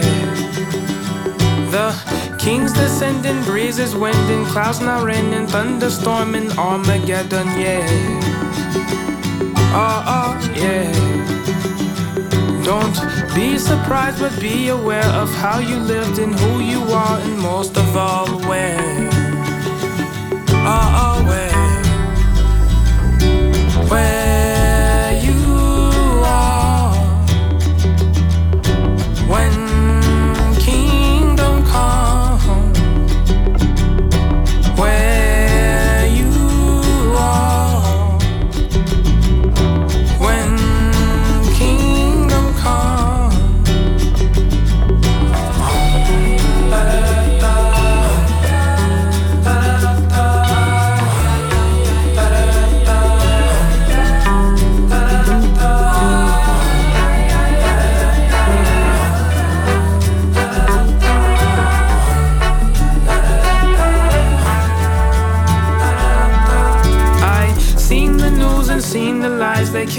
kind. The system's blind, the system's blind, yeah.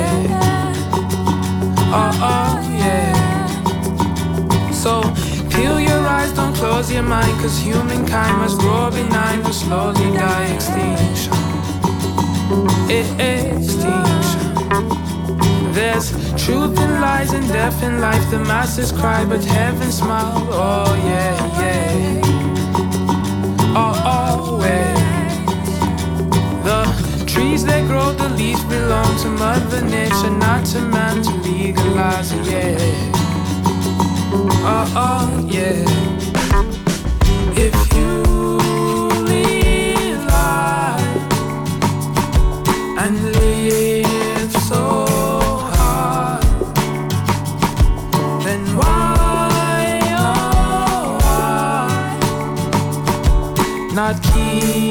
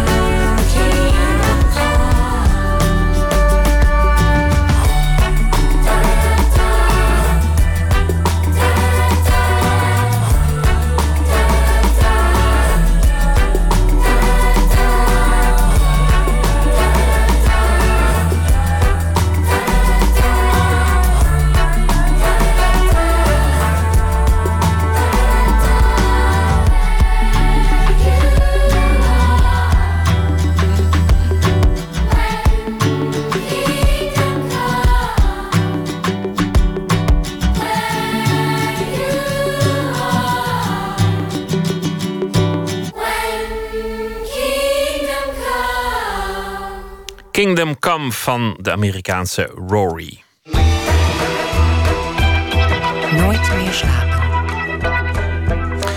Mieren op een rauwe garnaal. Een van de signature dishes van de Mac- Macedonische Deense chef René Redzepi.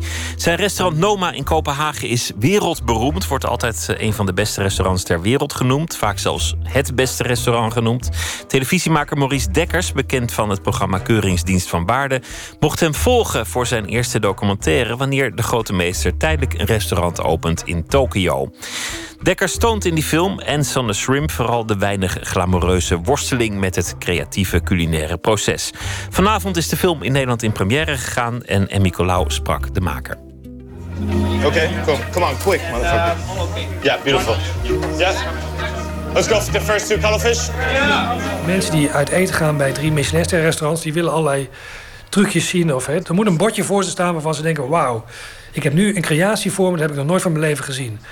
De grap bij de, de, bij de creaties van René is dat je dat als je denkt... als je het ziet, denk je, oh, dat kan ik zelf ook.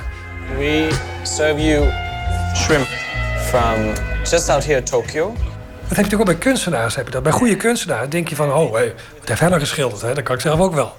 Maar dat kan je natuurlijk niet. Hij zegt, eigenlijk zegt hij... het beste van de eend is de eend. Wel, Dat is, dat is pas echt hogere eetkunde. 45 freshwater clams. Today it took us 13 people 4 hours to open them. Dat is zijn grootheid. En mensen die dus... ik weet niet hoeveel kilometer vliegen... dure tickets hebben betaald, duur entree betaald om daar te mogen eten... die dan gewoon een, een, een eend geserveerd krijgen in, in zijn geheel, verder niks. No garnish, no nothing. This is the duck. Wel? Ah, vind ik briljant. Best restaurant 2010 is Noma. Vier keer maar liefst werd restaurant Noma in Kopenhagen uitgeroepen tot beste restaurant van de wereld. Televisiemaker Maurice Dekkers kreeg de kans om de chef ervan te volgen, René Redzepi. Is once again Noma. Weet je, dat was meer van Vincent, eh, weet je, Vincent van Gogh. Die vraagt aan mij of ik, of ik naast hem wil zitten als hij de bloemen, de zonnebloemen in Arles gaat schilderen. Dan zeg je natuurlijk niet, daar heb ik geen zin in. Weet je, wel. dat doe je gewoon. Al jarenlang maakt Maurice Dekkers programma's over eten. De Keuringsdienst van Waarde bijvoorbeeld en Klootwijk aan Zee. Als producent en soms ook in beeld als presentator. Ik spreek hem aan zijn eettafel. De keuken is het vanzelfsprekende centrum van zijn huis. Ja, ik ook. Heel veel, elke dag. En, en uitgebreid, eh, inventief. eh. Ja, eigenlijk wel ja. Nou ja, inventief. eh, ik doe mijn best. Ik vind boodschappen doen ook leuk. En wanneer is dat begonnen? Deed je dat als klein jongetje al? Ja, ik was eigenlijk... Uh, ja, dat deed ik als klein jongetje. Had ik een... Uh, misschien ook wel weer een beetje gênant. Maar ik had een, ik had een fornuisje toen ik... Uh, toen ik vijf was, denk ik, of zo. Of vier. Misschien wel drie. En had ik een klein fornuisje.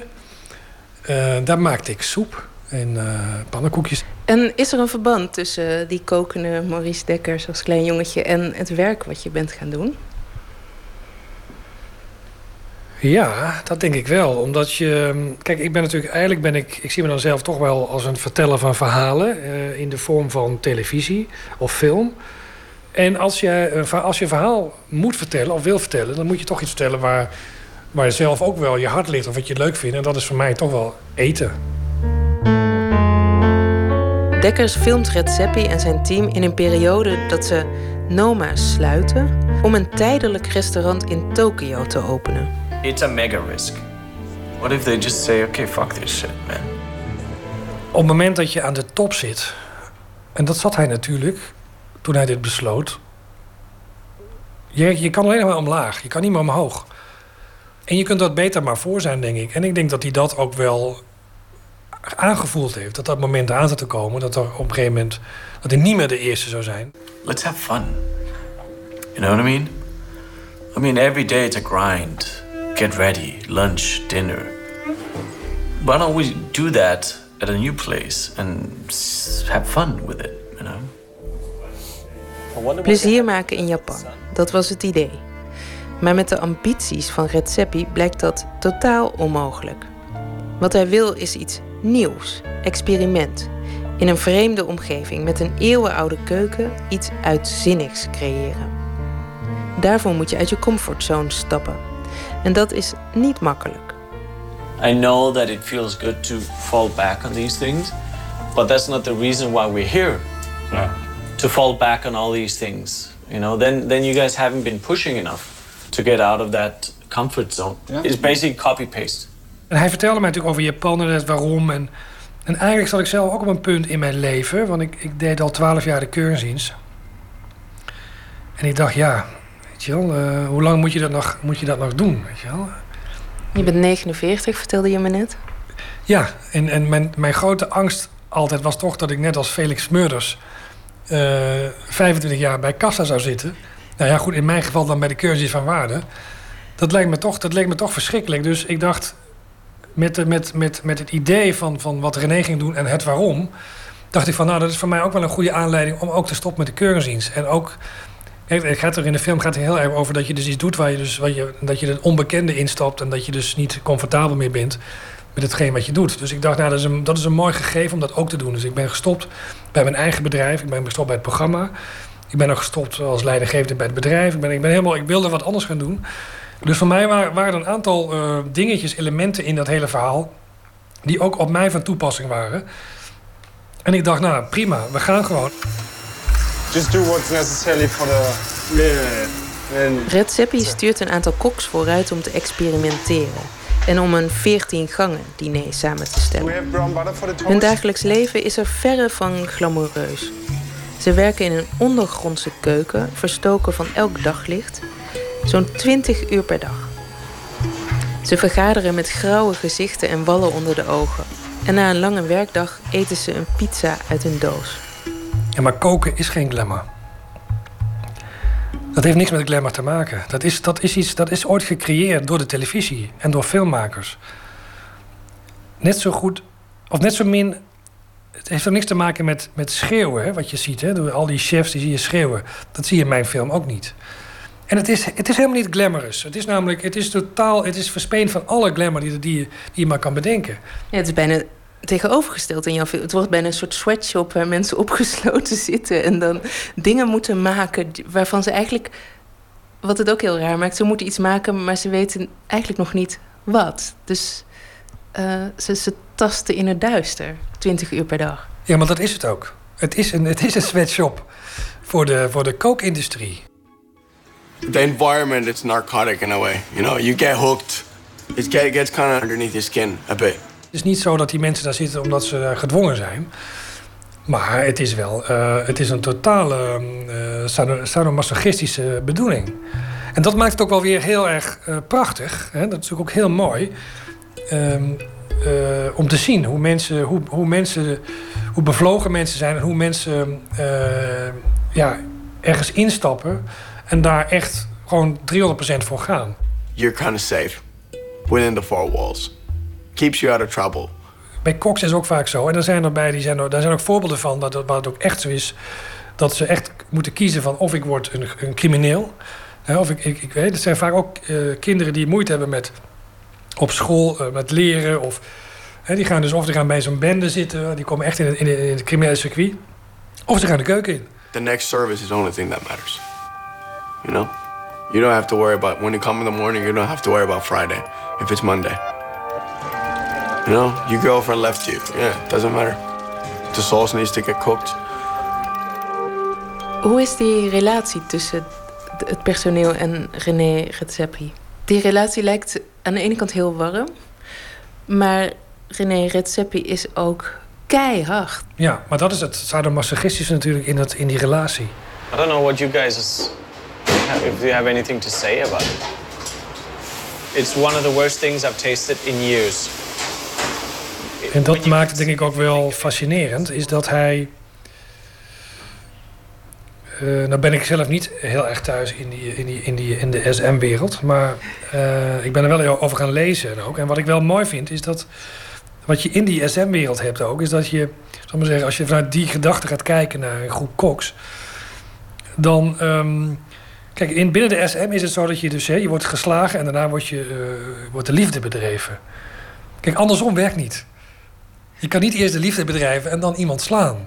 Maar jij bent, omdat je dit allemaal gezien hebt, een paar maanden lang, ben je je gaan verdiepen in sadomasochisme. Nou, om te kijken, wat is het nou precies? En dat is wat hij doet. Hè. Daarom zit bijvoorbeeld het stuk dat hij bijvoorbeeld heel aardig is. Hij is namelijk best wel aardig. Hij is, naar iedereen heel aardig. Hij is namelijk heel erg... En daarom wil je alles voor hem doen. Hij is, best wel, hij is echt heel aardig. Maar hij is natuurlijk inderdaad ook wel keihard. Hij is wel de meester. Hij is wel de master in het hele spel. Wie naar de Redzepi kijkt in de film van Dekkers, ziet een man die behalve keihard ook charismatisch en charmant is. Die zo perfectionistisch is dat hij zelfs de reisbus van zijn personeel controleert op achtergebleven bagage. En die feilloos de vinger op de zere plek kan leggen. Een man met een missie, waardoor je als kijker zelf bijna zin krijgt om iets gewaagds te doen, om een droom na te jagen. Nee, het, is, het is echt het is enorm inspirerend. De confrontatie met dingen, met het onbekende, dat geeft juist heel veel energie. En uiteindelijk, en natuurlijk is het ook, eh, is het ook best wel lastig. Maar uiteindelijk levert dat toch iets op. Ik vind het zelf altijd iets moois hebben. Dat je, ehm, dat je wordt gedwongen of dat, je, dat iemand je, je, je leert of inspireert om iets te doen. Kijk, hoe meer je hebt, hoe, meer, hoe banger je bent om iets kwijt te raken. Dat is natuurlijk wel wat er gebeurt. Maar nu heb je het over mensen, maar heb je het nu eigenlijk over jezelf? Nou, ik heb daar zelf, nou, ik heb daar zelf minder. Ik doe dat soort dingen wel. Ehm, en ik vind, ik hou daarvan. Ik hou van dat thema. Ik vind het echt belangrijk dat mensen eh, naar zichzelf kijken. Dus ik heb het dan niet. Oh ja, mensen hebben het ook over mezelf, natuurlijk.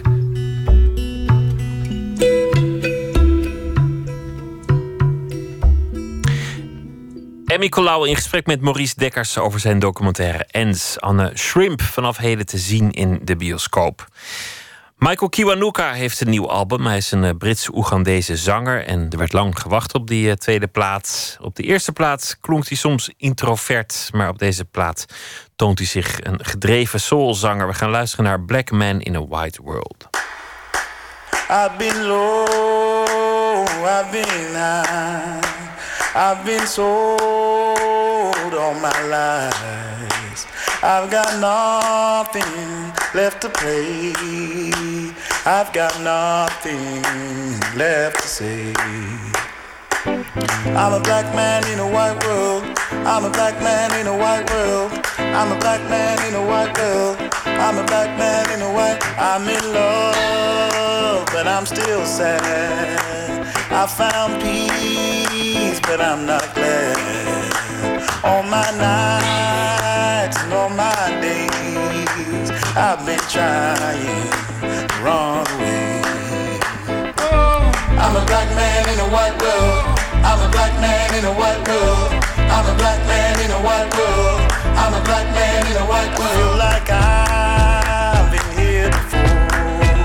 I feel that knocking on my door.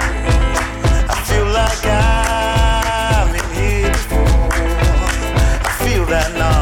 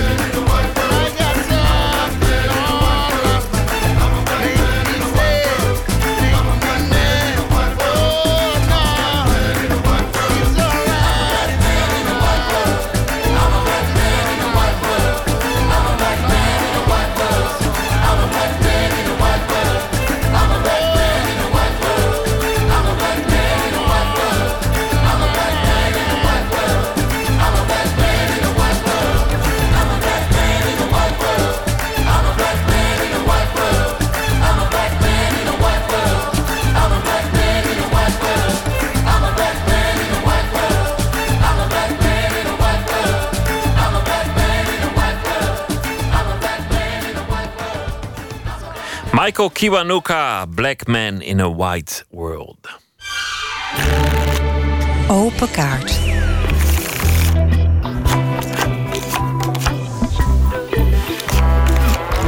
...150 vragen over werk en leven in een kaartenbak... en de gast trekt de kaarten. Deze keer eh, is de gast David Kweksilber, klarinetist en saxofonist. Iemand die net zo goed in een jazzclub staat te improviseren... als dat hij in het concertgebouw een klarinetconcert van Mozart speelt... vanaf een partituur. In 2008 richtte hij zijn eigen big band op voor hedendaagse muziek... met improvisatie-elementen. De David Kwiksilver, Kweksilber Big Band. Hele mond vol. 26 eh, man zitten daarin. Allemaal afkomstig uit verschillende disciplines. Van eh, sopraan Claire McFadden tot aan pianist Guus Jansen. En soms ook een DJ erbij. Komende zaterdag treden die op in het Bimhuis in Amsterdam. Met eh, nieuwe composities. Welkom David.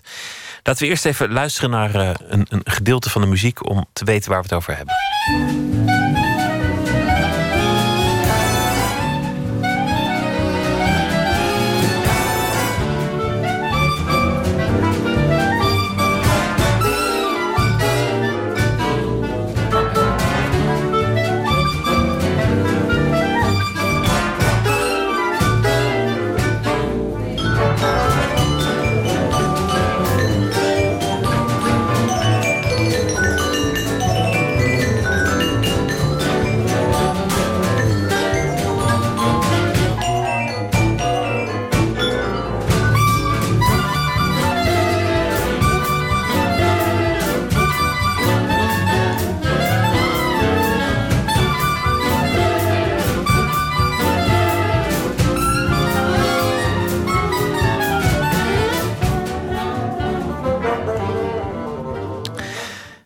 Een stuk van de Amerikaanse orkestleider Fletcher Henderson, uitgevoerd door de David Quecksilver Big Band. David, laten we beginnen. Hier zijn de kaarten. Ik wil je vragen om er één te trekken.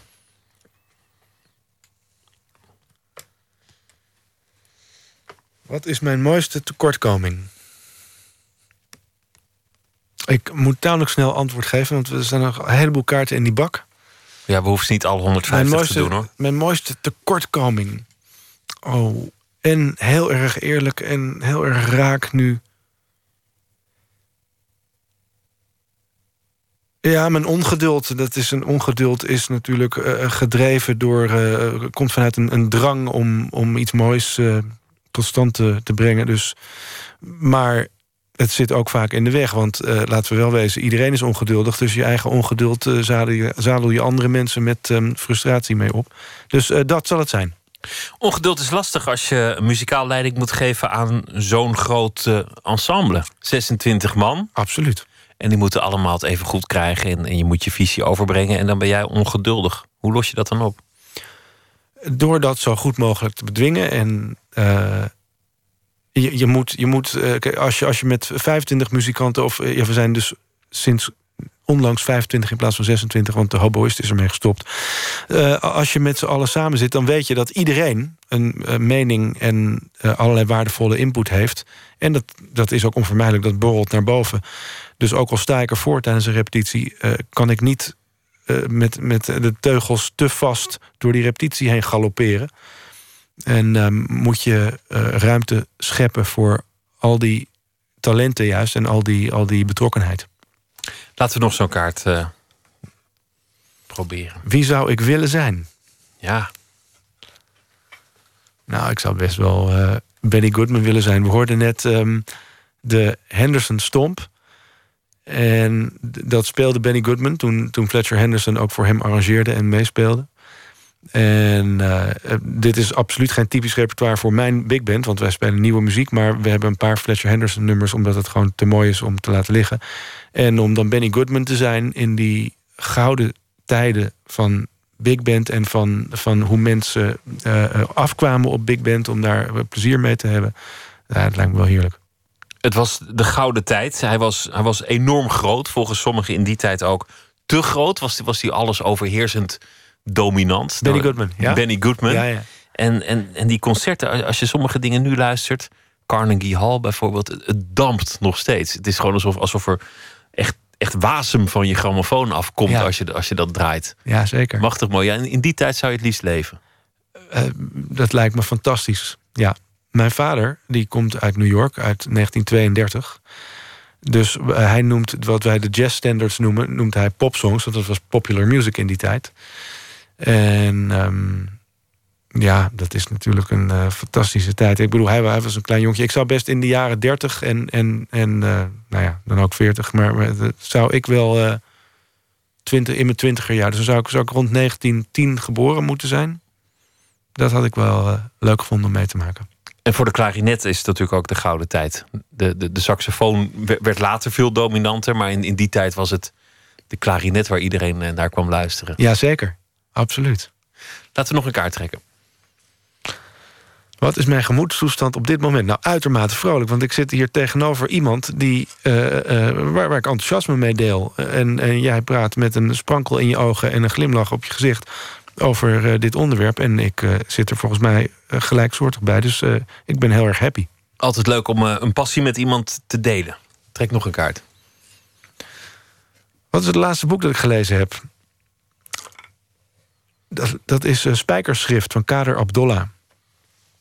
Godsamme mooi. En eh, daardoor kwam ik dus eh, eh, iets meer... want mijn algemene ontwik- ontwikkeling is niet zo algemeen en ontwikkeld... kwam ik iets meer over Iran te weten.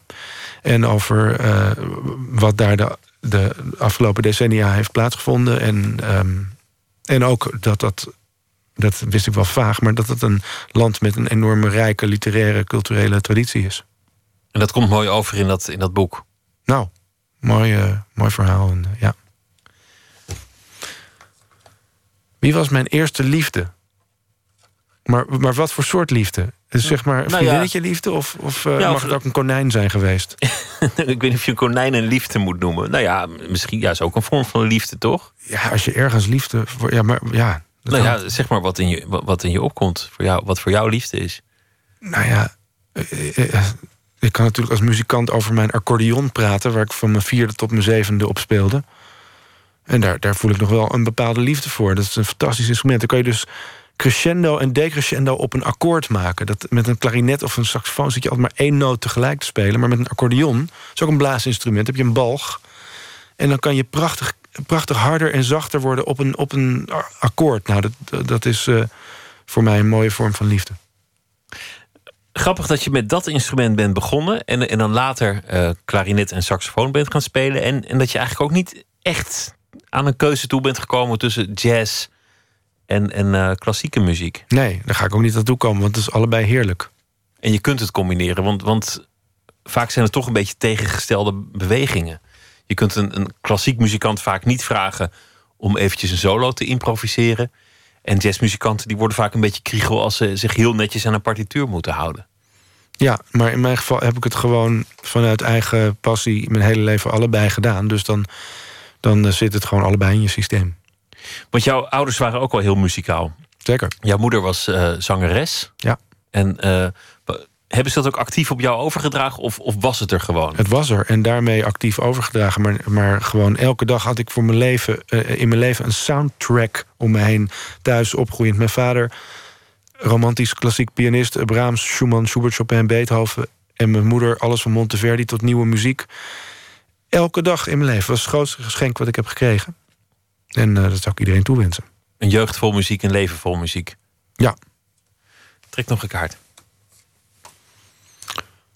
Wat moet iemand van mij weten om me echt te kennen? Nou, dat ik, eh, ja, dat dus. Dat, dat, dat, dat mijn wezen eh, echt gevormd is door dat geschenk van die, van die soundtrack van muziek elke dag. En als je, als je eh, je vader elke dag een Beethoven-sonate opus 109 hoort spelen, of eh, de, de, de fantasie van Schumann. Dat, dat eh, repertoire is zo ongelooflijk eh, eh, melancholisch en, en prachtig en, en meeslepend. En er zit alles in wat er maar in het leven langskomt. Dus dat, dat had ik gewoon als soundtrack. Terwijl ik daarboven zat te spelen als jongetje in een kamer daarboven. En dan kwam het echt door de kieren van de vloer. Zat ik daar met blokken te spelen. In mijn herinnering altijd in badend zonlicht en door het raam. Dat zal niet waar zijn geweest, maar zo voelde dat blijkbaar. En ehm, daar wordt je wezen nogal door geïmpregneerd. En dat maakt mij tot wie ik ben. En, eh, en dat maakt ook, denk ik wel, dat ik een big band heb opgericht. Met allemaal gabbers om me heen. Om samen die muziek eh, eh, te trotseren. En komt dat gevoel dan ook terug van, van, van je jeugd? Als je aan het spelen bent of als je nu muziek hoort? Is dat iets waar je naar op zoek bent? Ja, dat, dat, nou, dat specifieke gevoel, dat zal ik nooit precies zo beleven natuurlijk. Want dat was echt een, een bijzonder iets. Dat je gewoon je ouders in huis hoort spelen. En dat je, daar, dat, je dat meekrijgt. En dat je dus eh, gewoon... eh, dat je of, of je luistert er actief naar of niet. Maar volgens mij, als ik met die blokken zat te spelen... ik ken die stukken die mijn vader speelde... Die, dat romantische pianorepertoire... ik heb het nu steeds over mijn vader... maar mijn moeder was natuurlijk ook aan het zingen... maar ik- mijn vader, die stukken die ken ik gewoon door en door. Zoals we alle, alle klassieke muziekliefhebbers... Die, die kennen gewoon stukken... omdat je dat over en over eh, geluisterd hebt. En dan eh, is het haast niet zo dat je, dat je niet luistert. Want je wordt gewoon, ook al is het op de achtergrond... je gaat mee in dat betoog... En bovendien je eigen vader speelt dat en fraseert dat... en maakt dat het gevoel op dat moment naar links of naar rechts gaat. En, en, dus je bent wel continu dat aan het oppikken. Welke collega verdient meer waardering? Nou, laat ik bijvoorbeeld... is eh, al mijn collega's in de big band... maar bijvoorbeeld ehm, Jan-Willem van der Ham op fagot... Hij speelt ook belachelijk mooi altsaxofoon... met een totaal uniek geluid en een enorme eh, power en, en zeggingskracht. Maar goed, hij speelt in mijn big band fagot... en dat eh, speelt hij ook in allerlei andere bands. En die man die speelt altijd lyrisch... en eh, met zijn eigen lyriek. Dat is iets heel erg moeilijks... Want er is al zoveel lyriek geweest in de afgelopen duizenden jaren. Uh, maar uh, hij heeft al die verschillende invloeden... van de Sacre tot Charlie Parker. om even heel kort door de bocht te gaan. Um, en um, hij, hij fraseert en zingt op die toeter. En hij heeft een prachtig geluid. Dus Jan Willem van der Ham, mensen, check hem out. Oké, trek nog een kaart als je wil. Wat is mijn terugkerende nachtmerrie? Dat heb ik gelukkig al een tijdje niet gehad... maar dat zal velen misschien wel bekend voorkomen... dat ik uh, een boek achterloop met wiskunde voor mijn eindexamen... en dat ik toch nog, uh, uh, nog een keer eindexamen moet doen... omdat ik anders geen muziek mag gaan maken op het conservatorium. Oh, dat is heel herkenbaar. Ik hoor Ja. van meer mensen. Ik heb hem zelf ook wel eens gehad. Dat er dan een brief komt van... Sorry, er is iets misgegaan in de administratie. Je moet nog één keer de brugklas doen. Ja. Ga Oh, brugklas? jaartje terug naar de Oh, oh, ja, brugklas. oh, ja, En dan, word ik al balend in het zweet wakker. Ja, dat ik dat daar dan leuk. als, als man van 40 zit. En je hebt, maar je hebt dat dan niet met de tweede en de derde en de vierde en de vijfde... en dan, ook nog eens die droom. Nee, nee, dat niet. Gelukkig. Nee, het is alleen die, die brugklas op de een of andere manier. Maar ja, goed, het had elke klas. Maar het, is iets wat van veel mensen hoor. Dat ze nog een eindexamen overnieuw moeten doen. Of, of eh, nog één keer hun studie. Of, eh, Ja, dat is of wat. een rijbewijs. Maar het is ook, het is ook enorm indrukwekkend. Ik, heb ook, ik, kan ook bij, ik kan in de verste verte niet meer wat ik toen heb gekund... betreffende die vakken. Dus dat, dat heeft een enorme impact natuurlijk. Dat stel ik me zo voor. Ik heb hier geen research naar gedaan. Maar, Maar wat zou eh, erachter zitten? Is dat misschien een, een gevoel van... Ja, je, je, je bent er wel de grote jongen, kwekzilber... maar je moet nog even terug examen doen? Zit er zo'n gevoel achter? Een gevoel gekeurd te Eh, worden? nou, nou, ik weet niet of het, of het dan over een groot jong zijn gaat... maar wel dat, dat er iets vreselijks in de weg staat... en dat je gewoon niet je best hebt gedaan... waardoor je niet kan gaan doen wat je wil gaan doen.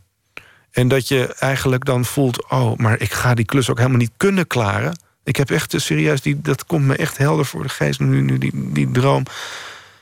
Je denkt, Oh, ik, oh ja, ik moet nog een keer examen doen, maar ik moet dan die materie leren. Maar ik heb me er altijd maar een beetje doorheen ge, gebluft. En ik snap dat helemaal niet. En ik, ik, ik, ik wil dat helemaal niet. Ja, dat, dat is. eh Wauw, heeft behoorlijk indruk gemaakt. Ja. Maar je bent er klaar voor. En aanstaande zaterdag is het zover in het Bimhuis. Zeg nog even in het kort wat jullie, eh, wat jullie gaan uitspoken daar. Nou, eh, allerlei componisten schrijven voor deze band. Ik ben dol op big band, omdat ik het zelf mee heb gemaakt... meespelend in andere big bands in totaal uiteenlopende genres... van funky met de Nuku Collective Big Band van Benjamin Herman... tot eh, eh, cutting-edge projecten eh, van Werner Herbers Ebony Big Band... waarin die repertoire van Robert Grettinger uit Amerika hier na- naartoe haalde. En die Robert Grettinger schreef fantastische, ongehoorde muziek... voor Stan Kenton, eind jaren 40, begin jaren 50 al, vorige eeuw. En eh, door al die verschillende projecten, dit zijn er twee, maar ik heb nog veel meer gedaan, eh, dacht ik, ik wil ook een big band. En die big band die gaat over nieuwe muziek van componisten uit de klassieke wereld, maar ook uit de jazz en geïmproviseerde wereld, gespeeld door mensen, muzici uit die verschillende werelden. En dat gaan wij zaterdag dus ook doen. We hebben een, een onvergelijkbaar repertoire. En dat maakt een concertervaring van deze band, kan ik eh, met trots zeggen, onvergelijkbaar rijk. Want je wil ook het onderste uit de kan halen. Sowieso, een concertervaring is iets heel bijzonders. En als je dan met zoveel firepower van talent en, en, eh, en passie bij elkaar zit, dan wil je het onderste uit de kan halen. En zoveel mogelijk muzikale klanken en beleving met het publiek delen. En eh, daar kunt u zaterdag bij zijn. In het Bimhuis. Dankjewel, David Kweksilber. En veel plezier. Dank je. Komt een nieuw album aan van de band Wilco. De titel is Schmilko en het duurt nog een paar weken, maar we mogen vast draaien If Ever I Was a Child. I've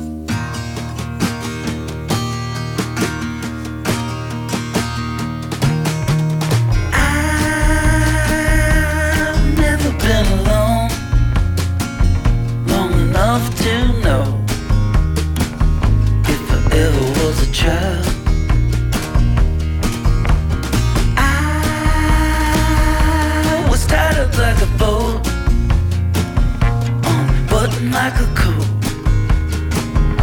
set free for a while. Well, I jumped to jolt my clumsy blood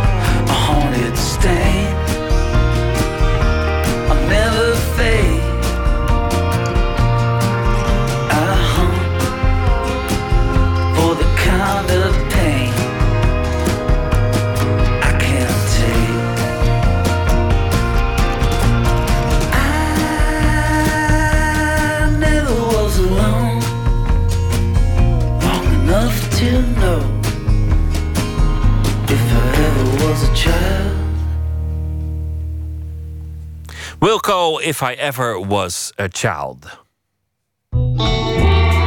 Nooit meer slapen.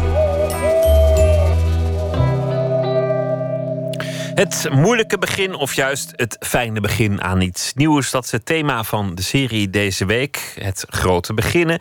Vannacht uh, praten we met dichter en schrijver Vrouwtje Tuinman. Haar nieuwe roman gaat over de zoon van violist en componist Paganini. In zijn tijd werd hij gezien als een duivelskunstenaar. En omdat de katholieke kerk hem weigerde te begraven... werd er jarenlang met zijn lijk gesleept. Hoe begint zo'n idee in het hoofd van de schrijver? Voor dit boek waren er eigenlijk twee hele acute beginmomenten. De eerste was uh, al een jaar of drie, vier geleden. Ik maakte een uh, voorstelling over Frans Liszt, een andere componist. En ik, kwam, uh, ik, ben, ik ben geneigd veel te veel research te doen, dus ik ging ook al alle brieven van Liszt lezen en zo. En toen kwam ik een passage tegen waarin hij heel verontwaardigd was over hoe het was gegaan met de dood en het lijk van Niccolo Paganini. Iemand die hij bewonderde. En toen googelde ik dat een beetje zoals wij dat allemaal nu doen. En uh, toen stootte ik op een zeer sensationeel verhaal. Wat ermee begon dat het lijk van Paganini eerst drie maanden in de vensterbank van zijn huis zou hebben gelegen. Tentoongesteld voor iedereen.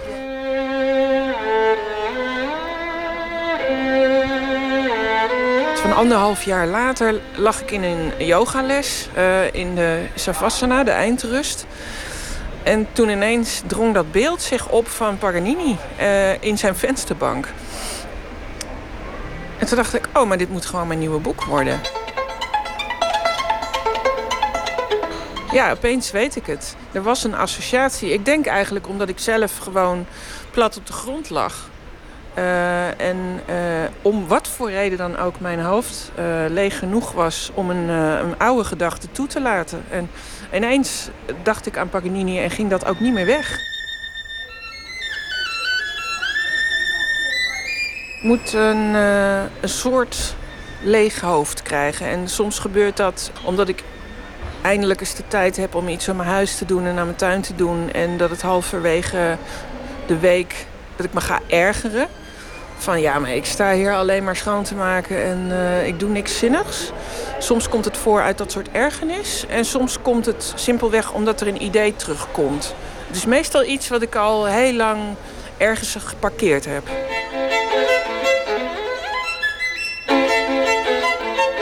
Het beginnen is denk ik een, een combinatie bij mij van uitstellen en erin springen. Uh, ik heb het nodig om het eerst een tijdje niet te doen. Uh, dat het letterlijk ergens in het achterhoofd is. Dat, dat, dat is meestal nodig. En vervolgens komt er, na een week of een maand of een jaar in dit geval... komt er een moment dat ik heel zeker weet... nu moet ik het wel meteen gaan doen. Want anders is het weg of is, de, ja, is het vonkje uit. En, uh, dus het is een combinatie van eerst een tijd parkeren... en dan ook echt meteen wegscheuren. Ben ik gaan lezen, lezen, lezen. En op een gegeven moment een datum gepland. En ik dacht, ik, ik, ik moet dat gewoon zien. Ik moet dat landschap zien, waardoor ze... Nou, destijds niet met een auto zoals ik, maar, maar met boten en paarden en karren uh, doorheen zijn gegaan. En waar ze hem een beetje half achter een rots hebben gelegd. Uh, want daar kwam het op neer. Dat ben ik toen gaan doen in een week in Frankrijk en Italië.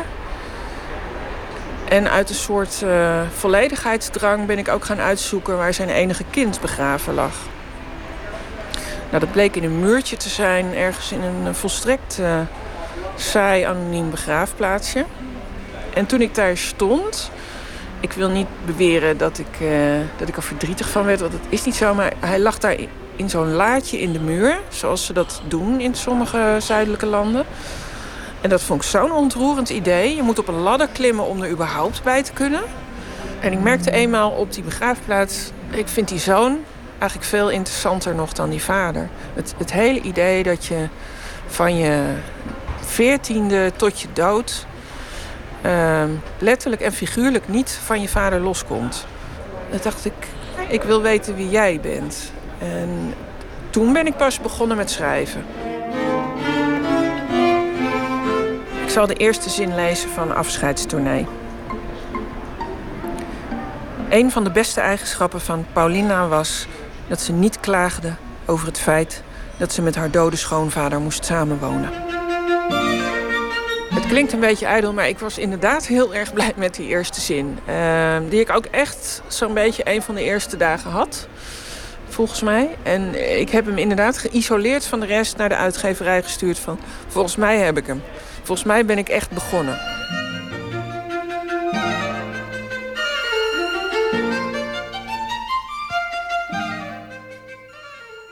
Afscheidstournee, een boek van uh, over componist Paganini en zijn zoon van Vrouwtje Tuinman verschijnt over twee weken. En uh, de delen van deze serie over beginnen zijn terug te luisteren via de podcast of de website. We gaan uh, door met D'Angelo. Het nummer heet The Door.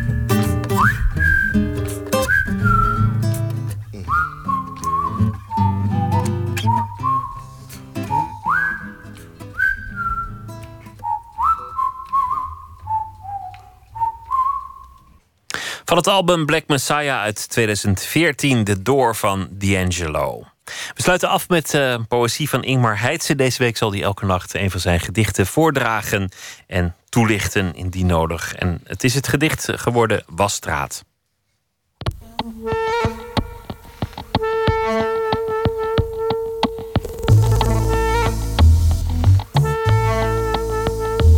Wasstraat.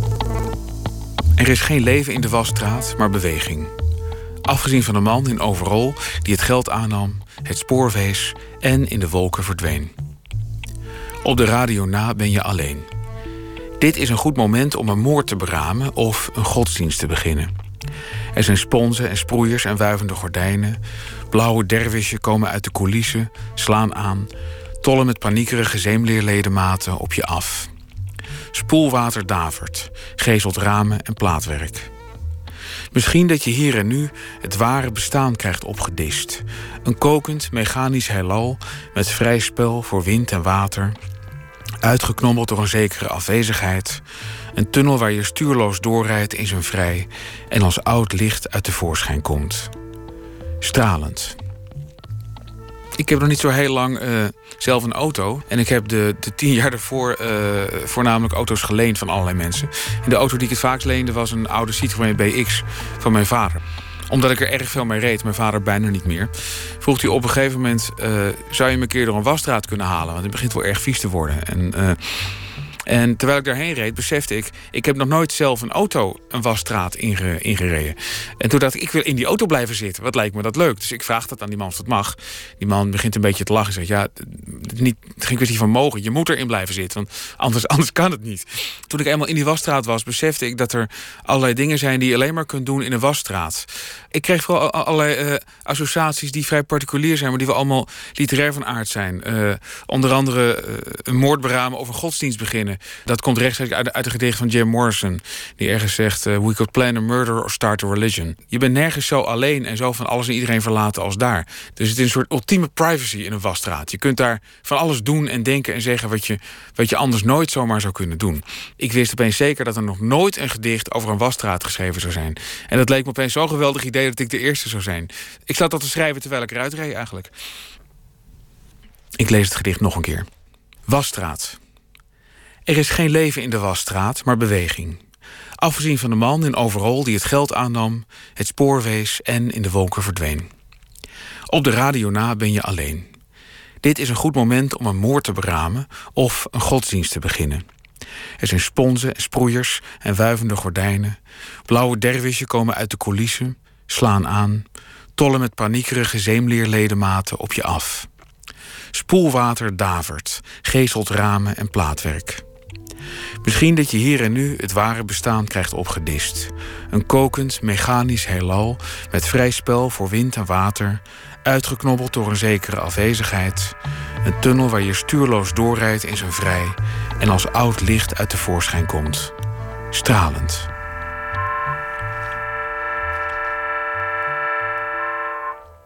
Het gedicht Wasstraat van Ingmar Heitse. Morgen zal hij uh, nog een gedicht voordragen. Dan zit hier uh, Esther Naomi Perquin en die gaat in gesprek met KW Modiri. Nederlands schrijver en filmmaker van Iraanse origine. Schreef eerder een roman, Meneer Sadek en de anderen. En nu komt zijn speelfilmdebuut, Botkin Ras. Waarin een uh, voortvluchtige crimineel een nieuwe start hoopt te maken in zijn bestaan. En we gaan het ook hebben over de nieuwe serie op Netflix, Stranger Things. En illustrator Paul van der Steen komt op bezoek. Want hij heeft een Steens schrijverskalender gemaakt met 365 van zijn portretten. Dat allemaal morgen in Nooit meer slapen. Voor nu een hele goede nacht en morgen een leuke dag. En ik hoop dat u dan weer luistert. Goeienacht.